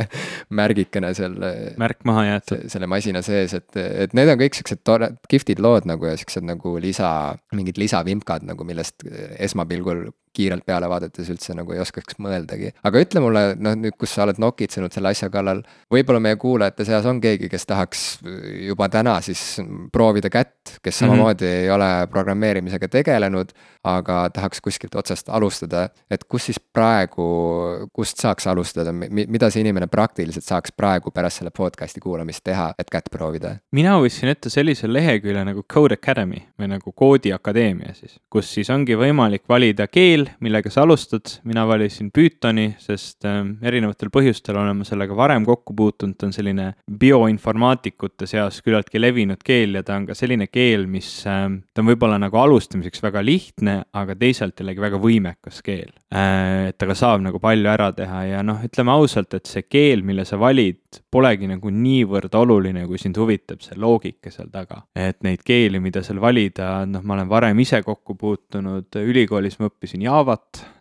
mis on küllaltki tavaline, kuigi mul on niisugune tunne, et ka Tartu Ülikoolis on, keegi võib mind parandada, aga minu arust on nende see nii-öelda põhiprogrammeerimise aluste kursus ka üle läinud Pythonile tänapäeval, et ta on ikkagi nagu natukene võib-olla mõnusam keel ähm,. aga, aga noh, ma mäletan ka tegelikult ülikoolist, et selle Javaga sai nende eksamiülesannete tegemine, mulle õudselt meeldis seal see viimane, viimane päev, mulle oli antud vist mingi neli tundi eksami tegemiseks või midagi, neli ülesannet ja, ja see oli ikkagi päris äge, et sa siis võtsidki mingi, sulle anti mingi tekstifail ette, sa pidid sealt tekstifailist mingid andmed sisse lugema, neid töötlema ja kirjutama välja järgmisse tekstifaili mm. -hmm. või siis oli vaja joonistada ekraanile mingisugune autode või, või mingi risttee ja siis sinna iga risttee haru peale siis äh, mingi arv autosid, et see pidi nagu muutuma, et seal võib olla null autot, seal võib olla kuni kolm autot siis. et mingid siuksed ülesanded mulle õudselt meeldis, see oli sihuke väga, väga rahuldust pakkuv tunne, kui sa said selle, selle ülesanne esimest korda ette, sa ei olnud kunagi mõelnud varem, kuidas sellist asja teha,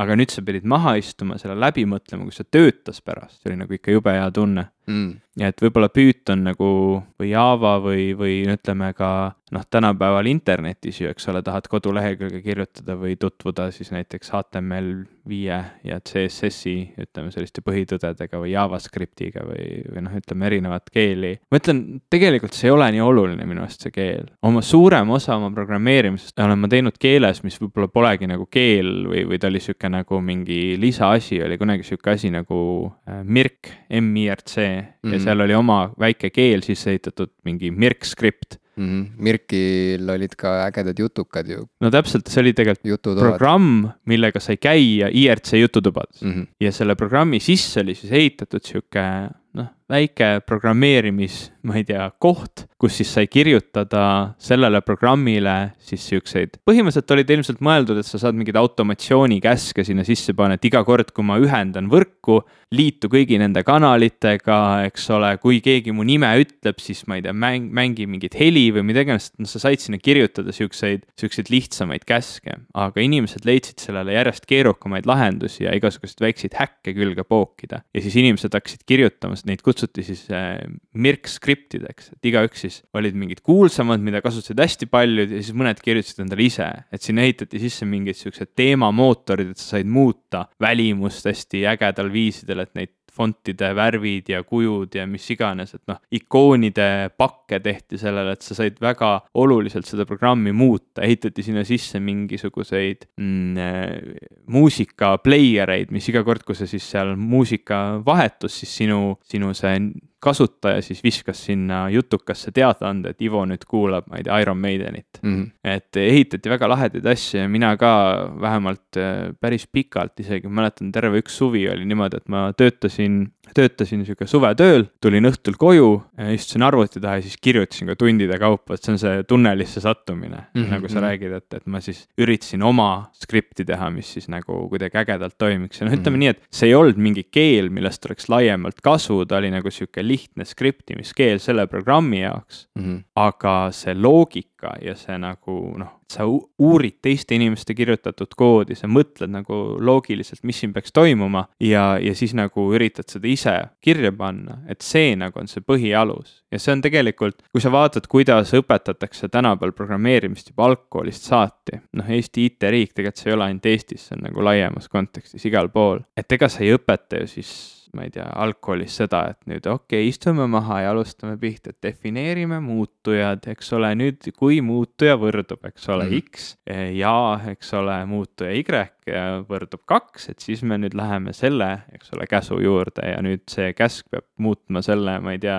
tekstistringi, eks ole, sealt loendame üle, mitu tähte seal on ja siis sellega arvutuse tegema, et see ei ole see viis, kuidas sa tegelikult lähened. sa mm -hmm. lähened selle põhiloogika baasil. ma olen vaadanud äh, vahel neid õpikuid, mis on algklassidele mõeldud programmeerimiseks, see on tegelikult väga äge. et see on, ma ütlen, see on, see on selles mõttes, need on oskused, mis on igale inimesele nagu vähemalt väärtuslikud mm. -hmm ja noh, see tees, millega ma alustasin, et igaüks peaks õppima programmeerimist, noh, olgem ausad, ei peaks, see on sama nagu iga inimene võiks proovida maalimist või iga inimene võiks proovida kirjutamist või ma ei tea, muusika mängimist mm. -hmm. aga ma ütlen, et need on nagu samamoodi nagu kirjutamine, muusika mängimine, maalimine, need on asjad, mis võivad pakkuda sellist loomingulist rahuldust ja need on asjad, mis võivad inimest nii-öelda noh, mis, mis aitavad inimesel ka kõikides oma elualadel seda, seda oskusi ja neid mõtteid kasutada. okei okay,, siis seda tasub proovida, Code Academy mm -hmm. on hea koht, kust alustada. see on sihuke hea, ma olen ise vähemalt leidnud, et olles äh, põgusalt varem näiteks Pythoniga kokku puutunud, et, et seal nüüd nagu niimoodi struktuuriliselt seda õppeprogrammi jälgida on päris lahe, aga noh, neid kohti on palju. programmeerimist tänapäeval õpetavad kõik.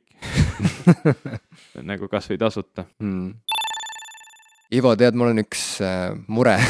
Nii räägi poole oma mure. vaata, me oleme rääkinud äh, siin saates näiteks äh, vägivallast, vaata kirjanduses mm -hmm. ja, ja koomiksites ja filmides ja kuidas see nagu sõltuvalt meediumist mõjub. Äh, et kuidas me talume vägivalda näiteks GTA sarnases mängus ja, ja kuidas me samas suudame seda vastu võtta mõnes graafilises romaanis, näiteks ütleme Sin City's, et mulle mm -hmm. näiteks Sin City, Frank Milleri graafiline romaan väga meeldib, on ju, sest et see on lihtsalt nii see on nii sünge ja nii kalk ja karm ja külm, aga seejuures seda on jube äge lugeda, sest et see pakub mingit sihukest nagu esteetilist naudingut, eks ole, et, et need et see, see sihuke paljas mustvalge sihuke nagu joon, mis seal, mis seal läbivalt on, see, see pimedus, mis seal on, et see kuidagi nagu õigustab ära kogu selle karmuse, mis seal nagu ka sisuliselt on mm, -hmm. et seda on nagu äge vastu võtta, mitte nagu, mitte kuidagi nagu õõvastav. et, et me oleme rääkinud sinuga sellest, et igal meediumil on mingid omad nagu piirid selles mõttes, et mi, mida seal nagu annab teha, mida mitte, South Park'is lendab laps õhku, siis see on nagu naljakas mm. -hmm. või, või ma ei tea, tehakse human centipede, eks ole, seal South Park'is, et siis see on nagu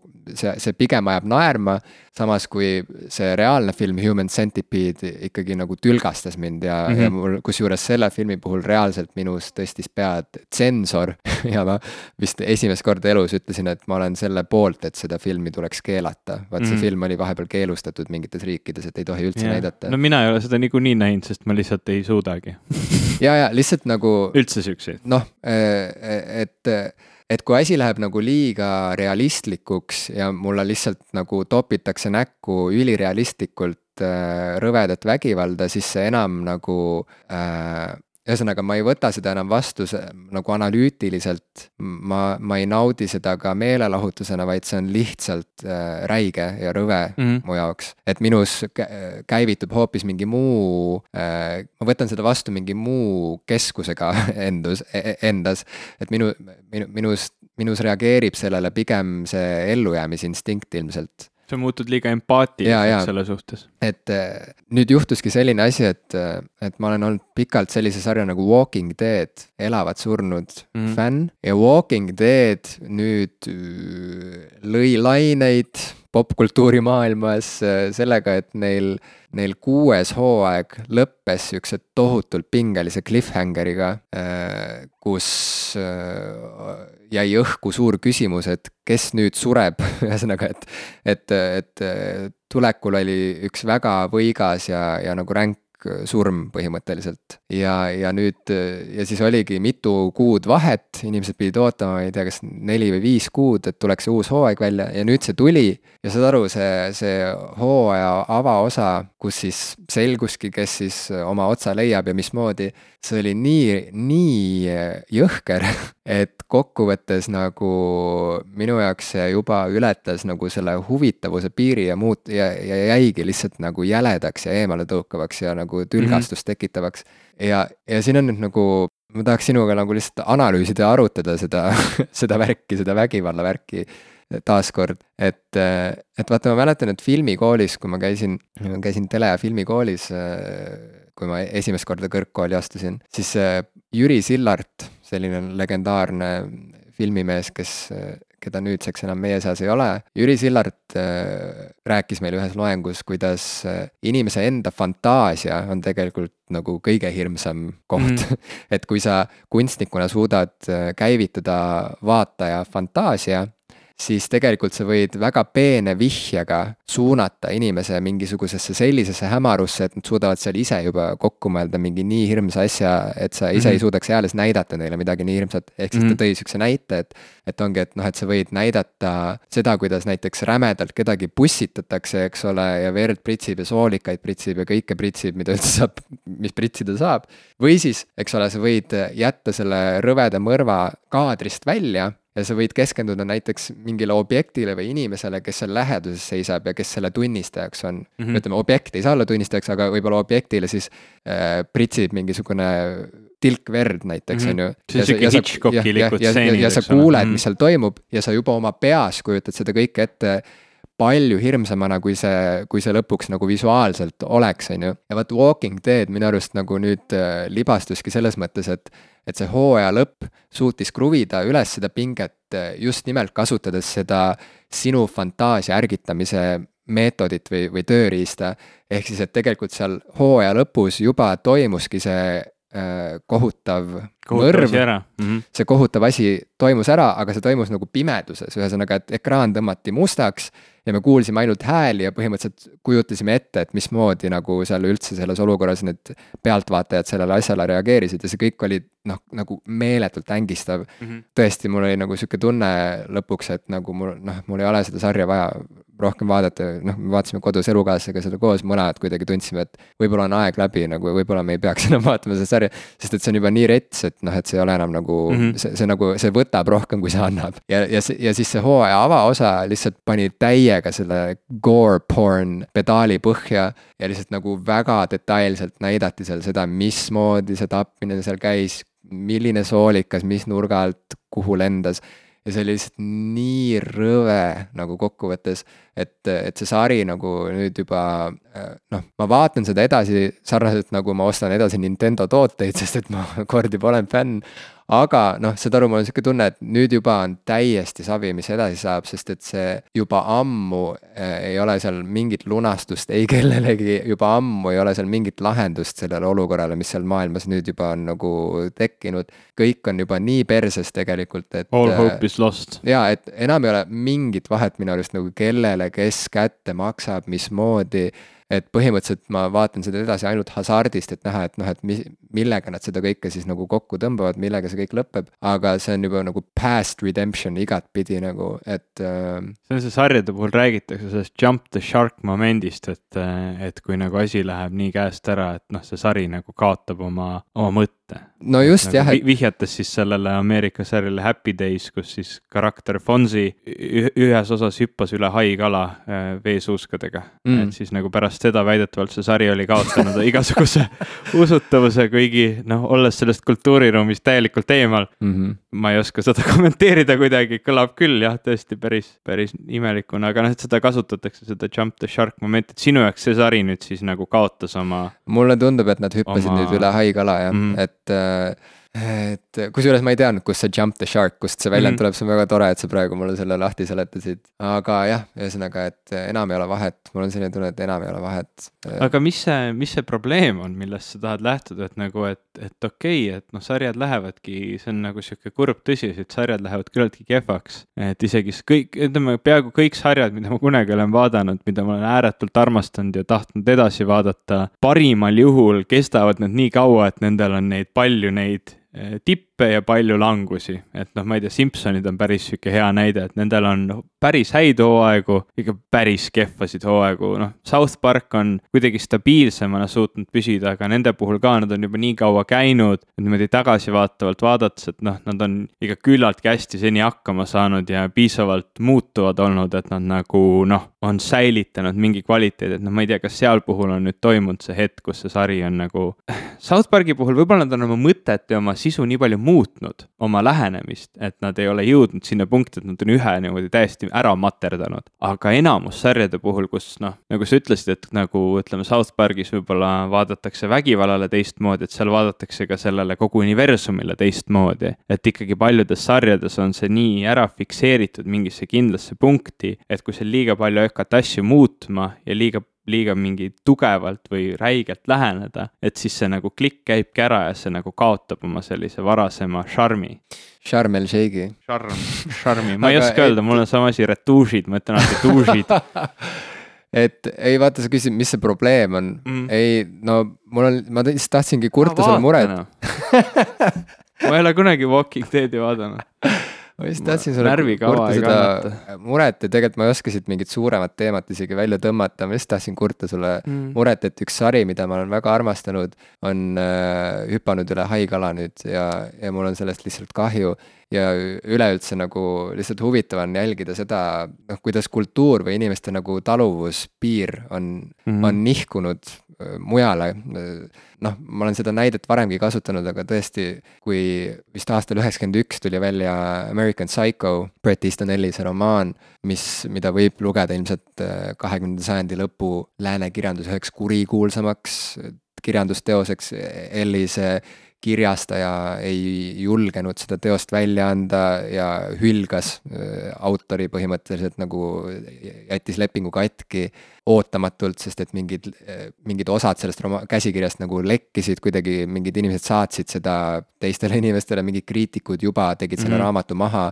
enne seda, kui see oli välja tulnud, üleüldse äh, käivitusid mingid diskussioonid, et. Äh, kas üldse tohiks sihukest raamatut? no umbes, et mis on kirjanduse piirid, noh, et, et, et see diskussioon käis seal, et mis need piirid on, kus on need mis on lubatud veel, mis on kunst, mis ei ole.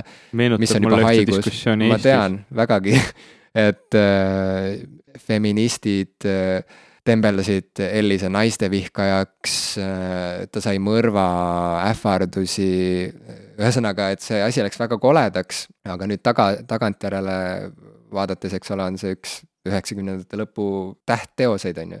väga-väga vägivaldne, aga ühesõnaga, et või mis? huvitav nagu mõte, et saata mõrvaähvardusi inimesele, sellepärast et sa arvad, et ta on liiga vägivaldse asja kokku kirjutanud kas pole, aga noh, fight fire with fire või midagi sellist okay., aga ühesõnaga, et et, et vaata, kerid kakskümmend aastat edasi ja põhimõtteliselt noh, ma arvan, et ka lapsed vaatavad Walking Deadi, ma arvan, et ka lapsed vaatavad Game of Thronesi, kus mm -hmm. toimuvad igas osas mingid sellised asjad ja, ja noh, ilmselt kui sa küsid, et mis see probleem on, siis ma kuidagi ei oska seda probleemi niimoodi sõnastada, aga see on lihtsalt tähelepanek, kuidas meie taluvuspiir on nihkunud kuskile mujale nüüdseks juba, sa küll ütled, et ära vaata neid rõvedaid asju, aga tegelikult vaata, see on nii lähedal juba, et noh, ma olen toonud seda võrdlust, ma tean, et see on kohatu võrdlus, aga ma olen toonud seda võrdlust, et, et kohati juba Walking Deadi vaatamine äh, tekitab umbes sihukese emotsiooni, mida tekitavad need ISISe mm. hukkamisvideod, ma ei ole küll ühtegi vaadanud niimoodi mm. eraldi otsast lõpuni, ma olen näinud noh,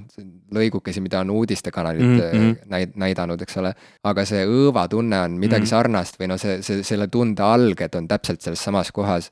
et see on lihtsalt nagu huvitav, kuidas mainstream meelelahutus on läinud tegelikult nagu jõhkramaks kui iial varem. nii süngesse kohta. väga süngesse kohta mm., mis on nagu ühest küljest nagu arusaadav mu jaoks, et me, me, me nagu kuidagi tunnistame avalikumalt kui kunagi varem, et maailm on üks väga sünge ja hirmus koht. samas statistikat vaadates on meie elu praegu ohutum ja parem kui kunagi varem nagu as a whole nagu kogu planeedina vaadates. jah, et mis asi see siis kokkuvõttes on, kas me nagu, kas me praegu siis nagu kultuurina üritame ennast kuidagi vaktsineerida nende õuduste vastu, mis meid reaalses elus ja. ähvardavad või mis asi see on? jah, vaata, siin ongi see nagu vale soovitus, et ära vaata, sest noh, olgem ausad, ega sihuke vältiv käitumine ei aita ka, see pigem tekitab hirmu juurde. noh, vähemalt mina olen ise nagu kogenud seda, et ma, ma olen sihuke inimene, ma jällegi ütlen kogu aeg seda, et aa, ma ei kannata siukseid asju, ma ei taha vaadata, aga samas see tekitab nagu hirmu, see tekitab hirmu juurde ja noh, see ei ma ole tean, ka positiivne. ja, ja me oleme sellest sinuga väljaspool seda äh, podcast'i mm. rääkinud, me oleme arutanud seda teemat ja tegelikult võib-olla oleks huvitav see teema korraks siia sisse tuua, selle teema lõpetuseks, et kuidagi tuua mingi reaaleluline mm., mingi isiklik näide. ma võin, noh, omalt poolt lihtsalt öelda, et, et jah, ka mul on sihuke nagu äh, väga tugev vägivallakartus tegelikult mm., võiks, seda võib nimetada lausa foobiaks, ma arvan mm., mis, mis kohati nagu võimendub ja, ja siis ma hakkangi kartma, et äkki, põhimõtteliselt see on nagu hirm enesekontrolli mm, kaotamise mm. ees et ma, ma kardan vahetevahel, et võib-olla mu hirm muutub nii suureks, et ma murdun selle all ja hakkan ise põhjustama teistele kannatusi, ehk siis, et ühesõnaga lihtsamini öeldes, et ma kardan, et mul lihtsalt nagu hakkab katus sõitma ja ma reaalselt hakkangi nagu pussitama inimesi, hakkan, ma ei tea, lükkama inimesi auto, autode ette, hakkan, ma ei tea, et noh, et ma olen seda ka oma siin teatri, armastuskirju teatrile raamatus on, on väike lõik, kus ma kirjeldan, kuidas ma oma väikse tütrega kõnnin mm -hmm. trepist üles ja siis nähes järsku seda tühjust, mis on nagu treppide vahel, mis, mis on noh, ühesõnaga, et nähes, kui kõrgelt siit võib kukkuda, ma hakkan järsku nagu ühest küljest ma surun oma tütre endale mm. ihule lähemale, et teda jumala eest kaitsta, et, et ma, et, et ta ei kukuks, kui ma peaksin komistama trepi peal mm. või midagi. ja samas nagu sosistab mingisugune kohutavalt õudne hääl mu peas või no okei okay,, see ei ole hääl mu peas, aga mm, -hmm. aga mind Mõte. läbistab see mm -hmm. mõte, et aga mis siis, kui ma praegu hulluks lähen ja lihtsalt viskan ta siit alla mm. ja see on nii kohutav tunne, see on yeah, nagu sihuke yeah., see on nagu hirm mingisuguse teemoni ees või mm. sa nagu kardad, et järsku mingil hetkel äkki, äkki sa seestud põhimõtteliselt äh, ja, ja siis mõnes mõttes nagu ainus asi, mis mind on aidanud, on kaks asja, mis mind tegelikult aitavad, et üks, üks ongi tegelikult teema vältimine niimoodi, et, et sa nagu ei suru seda alla, vaid lihtsalt sa nagu kuidagi vähendad neid mm. -hmm päästikuid või stiimuleid enda ümber, on ju, lihtsalt vaatad vähem seda vägivaldset paska nagu et, et ma ei tea, kuulad vähem nagu seda mingit kuradi eriti hirmsat nagu mingit drone metalit on ju vahelduseks, noh et, et on ju, et kuulad suvel edasi, siis kui nagu. kui tuju on parem, siis paned Deftonesi jälle mängima ei, Deftones ei ole üldse hirmus okay., kusjuures mm. nii ei tohi öelda. nii ei, sest et see, see toidab praegu seda stereotüüpi, et Deftones on üks mürabänd, mis ainult siin. ei, Deftones on mõnus, ma üldse ei vaidle vastu. Deftones on väga romantiline, meloodiline ja nii edasi mm, -hmm. nii, aga, et ja teine asi on tõesti, et, et, et minnagi, ühesõnaga, et teha see ämbliku akvaarium lahti põhimõtteliselt, võtta ta endale peo peale ja veenduda selles, et näed, ta ju ei hammusta sind yeah,. Yeah. saad aru, et ehk siis, et, et, et see on mind jällegi teinud väga uudishimulikuks ja tänu sellele äh, ma olen ikkagi lugenud väga palju väga jõhkraid romaane, ma vaatan mingisuguseid filme, noh, ma vaatan Walking Deadi, eks ole mm. -hmm. et vahel see ka aitab, aga, aga kus on see piir, noh ilmselt mm -hmm. see küsim-, võti ongi ilmselt tasakaalus nagu alati yeah,, yeah. nagu kõikjal. ma mäletan, ma lugesin seda kohta su raamatus ja noh, muidugi see on see ära, äratundmise hetk ka, eks ole, et noh, ma tegelikult mind huvitab väga, kui paljud inimesed nende, neid, nendele mõtetele tulevad, ilmselt see on küllaltki palju, inimloomus on ju inimloomus, me oleme küllaltki sarnased. ja noh, ütleme see keskkond, milles me oleme, on küllaltki vägivaldne, uudised on vägivaldsed, ma isegi ei kujuta ette, teades, mida, mida noh, ma olen kuulnud Ameerika meediamaastiku kohta, see kakskümmend neli seitse uudised, kus iga asi, mis üldse kuskil toimub, iga kole asi sulle noh, nagu minuti täpsusega, eks ole, teleekraanil koju tuuakse, et noh, ma ei tea tea, mind küll noh, see paneb mõtlema, et tegelikult see, see hirm on ju igal pool olemas ja me kardame, me kardame mitte ainult neid, neid võõraid, kes kuskil neid, neid nii-öelda nimetamata võõraid meie ümber, vaid, vaid me kardame ka iseendid ja, ja noh, siin tulebki nagu, tulebki nagu leida endas see, see punkt, et noh, mõte on mõte, et mõte ei ole tegu. Ja, ja me oleme ikkagi noh, me oleme, kes me oleme ja, ja me usume seda, mida me usume ja, ja meie, meie sees ikkagi oleme meie, et see teemant ja asi noh, nagu mõtted tulevad ja lähevad, et see on nagu mind aidanud või see, see nagu arusaamine, et noh, et, et fakt, et ma mõtlen, et mul tuleb pähe mingi mõte, et see nagu ei ole, no see kõlab nagu natukene isegi absurdselt, et muidugi, loomulikult mõte on mõte, et noh, võib-olla. mõtted ju tegelikult viivad tegudeni noh, jah, samas nii küll, aga noh, miks, miks ei lähe teoni see sinu kole mõte, sa ei taha? jah, vot aga see hirm vist äh, toitubki sellest, et mis siis, kui mu tahe enam ei määra midagi mm,, mis ja, siis, kui ma ja. kaotan kontrolli. sest tegelikult see on võimalik äh, ja on ju väga palju inimesi, kes, kes ei talitse ennast ja sellepärast noh mm., teevadki nagu mingeid väga ränkasid, väga koledaid tegusid mm, -hmm. et, et kui lihtne või kui, kui raske on tegelikult kuidagi see, et kas see klõpsatus, mis peas mm käib, kas see käib kergelt või, või see käib tegelikult raskelt, et vahel see hirm äh, justkui vihjaks sellele, et see võib väga, väga kergelt käia noh, et, et kui sa juba seda suudad ette kujutada, et siis ju, mis ära ei ole, see, see asi nagu ära teha.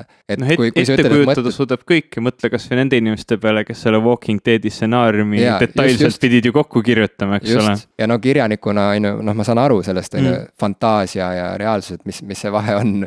aga, aga sa ütled, et mõtted noh, tulevad ja lähevad, et mõte ei ole tegu ja et mõtted on nagu sinust mingid eraldi olevad asjad, et et noh, me teame ju, me ju teame kõik, kuidas inimesed jäävad oma mõtetesse kinni, oma mõttemustritesse kinni. et kust see, kuidas astuda, kuidas astuda siis see samm oma mõtetest eemale nagu, kui, kuidas, kuidas seista oma mõtete kõrval vaatlejana.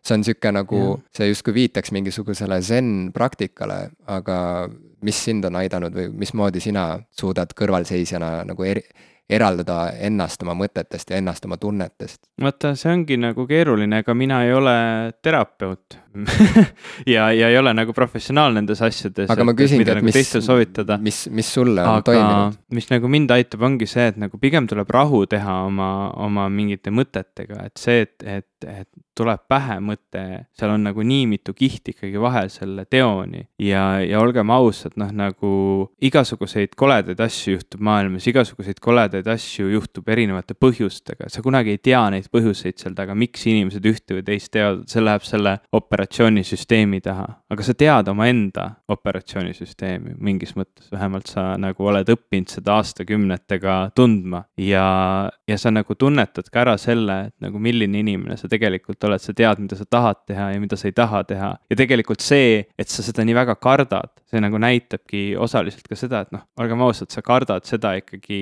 mida sa ei taha teha. et see noh, ma nagu enda peas seda ongi, et, et pigem on nagu see, et see mõte ei jääks sulle pähe kuidagi nagu kummitama sind, et sa ei muretseks, et miks ma sihukest mõtet mõtlen, et see ongi nagu see, et inimesed mõtlevad igasuguseid mõtteid, inimesed kirjutavad igasugustest asjadest, inimesed, ma ei tea, fantaseerivad igasuguseid asju ja, ja see vältiv käitumine, et sa nagu nüüd blokeerid kõik vägivalla enda ümbert ära ja, ja vot see nagu tekitabki seda ärevust juurde, et sa söödad seda hirmu endas, et ma, ma olen selline inimene, kellel tuleks see kõik ära blokeerida või, või kuidagi, et noh mm. -hmm. et see nagu ei ole, see ei ole see kasulik pool, et noh. ja võib-olla siin on õppida midagi unenägudest tegelikult, sest et äh, vaata unenägusid. unenägust pole mitte midagi. ei ole või, ei oota, aga ma pakun välja ühe lähenemise, et selles mõttes, et et äh, noh, unenäod on ju, on ju nagu mingid elavad mõtted või et sa lähed nagu oma mõtete sisse täitsa ära, et sellest saab mingisugune uus reaalsus just, just ma nagu. ma ei tea, see tõlgendus ei sobi absoluutselt mulle nagu kogu see unenägude värk, et unenäod on random asjad, mida su aju genereerib öösel ja hommikul sa ärkad üles ja su aju püüab seal mingisugust struktuuri leida mm. -hmm. aga see on tegelikult on see random, see on sama hea, kui sa viskad mingisuguse, ma ei tea, teelehed põrandale ja siis hakkad lugema sealt mingit pilti välja mm,. okei okay. noh, minu jaoks, aga see eks ole, me ei tea täpselt, miks inimene und näeb, see on sihuke keeruline teadus, et mida see aju täpsemalt seal teeb mm, -hmm. aga noh, ütleme tõlgendus, mis mulle tundub kõige mõistlikum, ongi see, et noh, aju nagu siis kas proovib läbi mingeid lahendusi, katsetab seal unes või, või ütleme, üritab mingit struktuuri päeva mõtetest leida või mida iganes, aga lõpptulemusena sina ise üles ärgates seda analüüsida niikuinii ei saa, sest sulle juba see hetk, kui sa ärkad, aju on teinud selle klõpsu ära, et ahah, see oli uni mm, -hmm. eks ole kustutame selle kõik ära mm -hmm. või siis loome mingisuguse struktuuri sealt, et mida see kõik tähendas. noh, see on, sina oled juba seal see nii-öelda, see on nagu see kvantmehaanikas, et see laine kukub kokku, eks ole, see kvantlaine kukub kokku, et, et sa oled seda nüüd jälginud, sinu oma pea on seal mingi struktuuri loonud ja see ei ole enam noh, nagu sinu jaoks kuidagi kasulikult tõlgendatav mm. -hmm. aga noh, okei okay,. Ei, minu jaoks ma tõin selle unetemaatika sisse sellepärast, et mulle näib, et siit on seda õppida, et vaata unes, unes sa ei analüüsi seda unes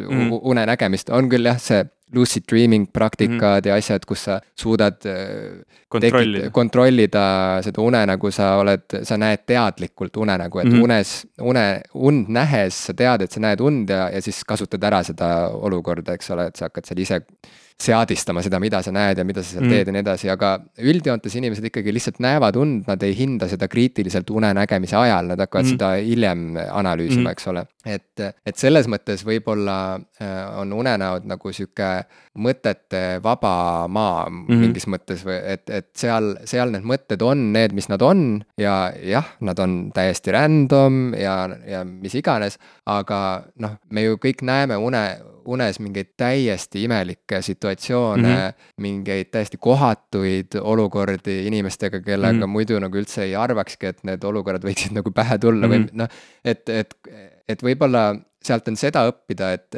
et vaata unes need mõtted lihtsalt on ja need selles mõttes nagu ei muuda sind, ühesõnaga, et sa ei, ei juhtu just eriti tihti seda, et sa näed unes midagi, mis siis nagu paneb sind reaalselt otsustama mm. midagi nagu üliolulist mm. elus mm., näiteks ma ei tea, tulen töölt ära, sest nägin unes, et ma tulin töölt ära või noh yeah,. Yeah. et, et kui sul juba reaaleluliselt ei ole nagu mingisugust nagu seda mõtet, mõtteprotsessi nagu alustatud, et siis uni nagu ei dikteeri selles mm. mõttes sinu nagu argiseid otsuseid vaid see on lihtsalt mingisugune imelik trip öösel. võib-olla need äh, mõtted, mida me niimoodi ärkvel olles kardame, et võib-olla tõesti selles mõttes võib ka neile läheneda kui, kui järjekordsele nagu unenäole, mis su peast läbi käib. saad aru, et, et see ei ole mingi asi, mis mm. sind nagu defineerib, mis määrab sinu, ma ei tea, elukäiku mm. -hmm. et see lihtsalt on, et vaata seda nagu sa vaatad unenägusid mm -hmm. ja võta sealt, mis sa tahad võtta või mis sa oskad sealt võtta, aga kokkuvõttes äh, see tõeline lucid dreaming toimub ikkagi praegu siin, nüüd, kus sa oled ärkvel ja siin sul on tegelikult valikuvõimalus. kas sul praegu katus sõidab? ei, vist ei sõida. kas praegu sul on valiku? kas sul on kunagi see katus niimoodi väga ära sõitnud, eks ole, kas on ohtu? jah, et, et, et kas, kas, kas mul on praegu võimalus haarata köögist nuga? jah, on, kas ma teen seda? no ei, sest mul on võimalus ka seda mitte teha, et, et noh, et et kui sa nagu hindad seda olukorda sellena, mis ta nagu on tegelikult ja sa näed, et, et mm. sa ei ole tegelikult praegu seestunud, on ju. et, et ja, et ja kuidagi leiad sellele kinnitust, keskendud sellele, siis ju nii ongi. nii et ühesõnaga praegu nüüd ootab mind ees tegelikult see suur küsimus, et me lõpetame nüüd salvestamise. ma sõidan Haapsallu koju, kas ma vaatan Walking Deadi seitsmenda hooaja teist osa mm. või ei vaata? äkki läheb asi paremaks äkki läheb, sest et ma olen äh, näinud netist nüüd pilte, et seal tuleb mängu uus karakter, kes mm. on sihuke äh, hallipäine rastamees, kellel on keti otsas tiiger. minu soovitus, mitte Walking Deadi otsas, kui sind painavad mõtted, kui see, see on tõesti raske olla, sest sind painavad mõtted, on olemas väga häid terapeut Eestis, kellega kontakteeruda ja kes tõesti aitavad. minu, noh, nagu ütleme, kui keegi kuulab meid ja tunneb, et, et noh, meie diskussioon kuidagi nagu tekitas temas muret või, või on tal varem igast muremõtteid olnud või mida iganes, et äh, tasub kindlasti rääkida, on väga häid professionaalne. uurige peaasi.ee lehelt kasvõi näiteks. ja kasvõi ja see on tõesti väga nagu väga lihtne ja arukas soovitus tegelikult ja, ja, ja ma ka ei tahaks üldse nagu enam toita seda igati iganenud stereotüüpi, et sa pead terapeudi juurde minema siis, kui tõesti juba, ma ei tea, sul kolbast nagu tükke kukub yeah, maha, et, et, et, et, on... et see on nagu väga puhtalt sihuke enesekorrastamise, ütleme yeah. nagu oma vaimse hügieeni, oma vaimse tervise eest hoolitsemine on sama vajalik asi nagu, ma ei tea, hammaste pesemine. korra aastas võiks et... hambaarstil käia, perearstil käia ja noh, kui muud vajadust ei ole, et siis vähemalt korra aastas võiks ka korra teraapias käia. ja just, et, et noh, et mina, mina saan siin tasuta sihukest äh, pseudoteraapiat Ivo Krustokilt õnneks äh, ärge, ärge mind terapeudiks võtke, palun, ma ei ole professionaalne inimene, mina saan soovitada teile ainult seda, et te kontakteeruda professionaalsete inimestega, kui. Jah, see, et sa ei ole professionaal, seda, seda joonib alla kasvõi tõsiasi, et sa häbitult salvestad meie neid. Äh, teraapiaseansse. teraapiaseansse, paned neid internetti üles, üritad mingit kasu lõigata sellest, et see on ikka, see läheb ikka räigelt selle, selle. ma ei mäleta seda virinat nagu alguses, kui ma alustasin moodi eetika vastu, ei noh, ma ei virisegi okay.. see kõik on tasuta, mulle meeldib. mul on üks soov veel. soov, mitte soovitus. mitte soovitus, soov meie kuulajatele. me tahame, et te meid natukene toetaksite sellega, et te promote meid. me teeme, me mõtlesime, et me teeme sihukese kuulajamängu, et noh, te teate, eks ole, Facebookis niisugused jagamismängud ja me mõtlesime, et nagu see on võib-olla natuke sihuke. noh, et mis me hakkame nüüd neid likee loendama seal või et me ei, me ei tee üldse midagi nii keerulist. rääkige meie podcast'ist mõnele oma sõbrale või tõesti jagage Facebookis meie lehekülgi, meie podcast'e, rääkige, miks see teie arvates on äge. see on sihuke aus värk, kui te ei taha, ärge üldse tehke. lihtsalt, kui te tunnete, et meid on lahe kuulata ja kellelgi teisel teistel võib ka olla lahe, et siis jagage seda informatsiooni. ma usun, et te niikuinii olete seda teinud, aga nüüd on selline väike värk juures. kui te seda teinud olete, näiteks jaganud Facebookis või rääkinud sõbrale, kirjutage meile email, ütelge, et teate, tegin nii, rääkisin sõbrale täna hommikul, käisime koos, läksime tööle või, või kooli ja ütlesin, et kuula popkulturiste. et see ongi juba nagu siis see nii-öelda osalemistuusik meie, meie kuulajamängus ja kõikide nende vahel, kes, kes meile selle kirja saadavad, see kiri ongi see oluline, sa võid valetada meile ka, tegelikult ei rääkinud, aga noh, kirja saatsid ikka, whatever. Jim ütleb teile nüüd, mis te saate. auhinnaks on äh, minu värske raamat Armastuskirju teatrile, mille ma signeerin, kirjutan sinna sisse, võin joonistada sinna sisse. väga hea äh, ühesõnaga mm, nagu Ivo ütles, see mängureeglid on väga lihtsad, me üldse ei, ei suhtu asjasse kuidagi nagu rangelt ja kontrollivalt tõepoolest. kuidas iganes te seda meie toredat saadet äh, kellelegi soovitate, olgu see Twitteris, Facebookis, Snapchatis, minu poolest kus iganes kirjutage graffiti mm, Pika Hermanni tippu, mis iganes, ei noh. ärme kutsu üles kuritegudeks et äh, et lihtsalt äh, andke sellest hiljem meile teada mm,. ja, ja raamatu võitja siis hõikame välja juba järgmises osas. nii et aega on umbes, umbes kaks, kaks nädalat, nädalat ja praegu on meil käes novembri algus mm, -hmm. nii et novembri keskpaigas umbes saab üks äh, lojaalne kuulaja hakata lugema ühte väga head raamatut. jah, raamatut, millest te juba täna tsipakest kuulsite. jah, ja no ettevalmistavalt ma ütlen, et tegelikult see raamat ei keskendu äh, väikeste tütarde trepist alla viskamisele, vaid, vaid, vaid teema on laiem. ja see võib teie elus äh, aidata kaugemalegi jõuda kui Mihkel Raua uus raamat, nii et. no nüüd väga... sa käisid küll kõva veksli välja, aga noh, äkki tõesti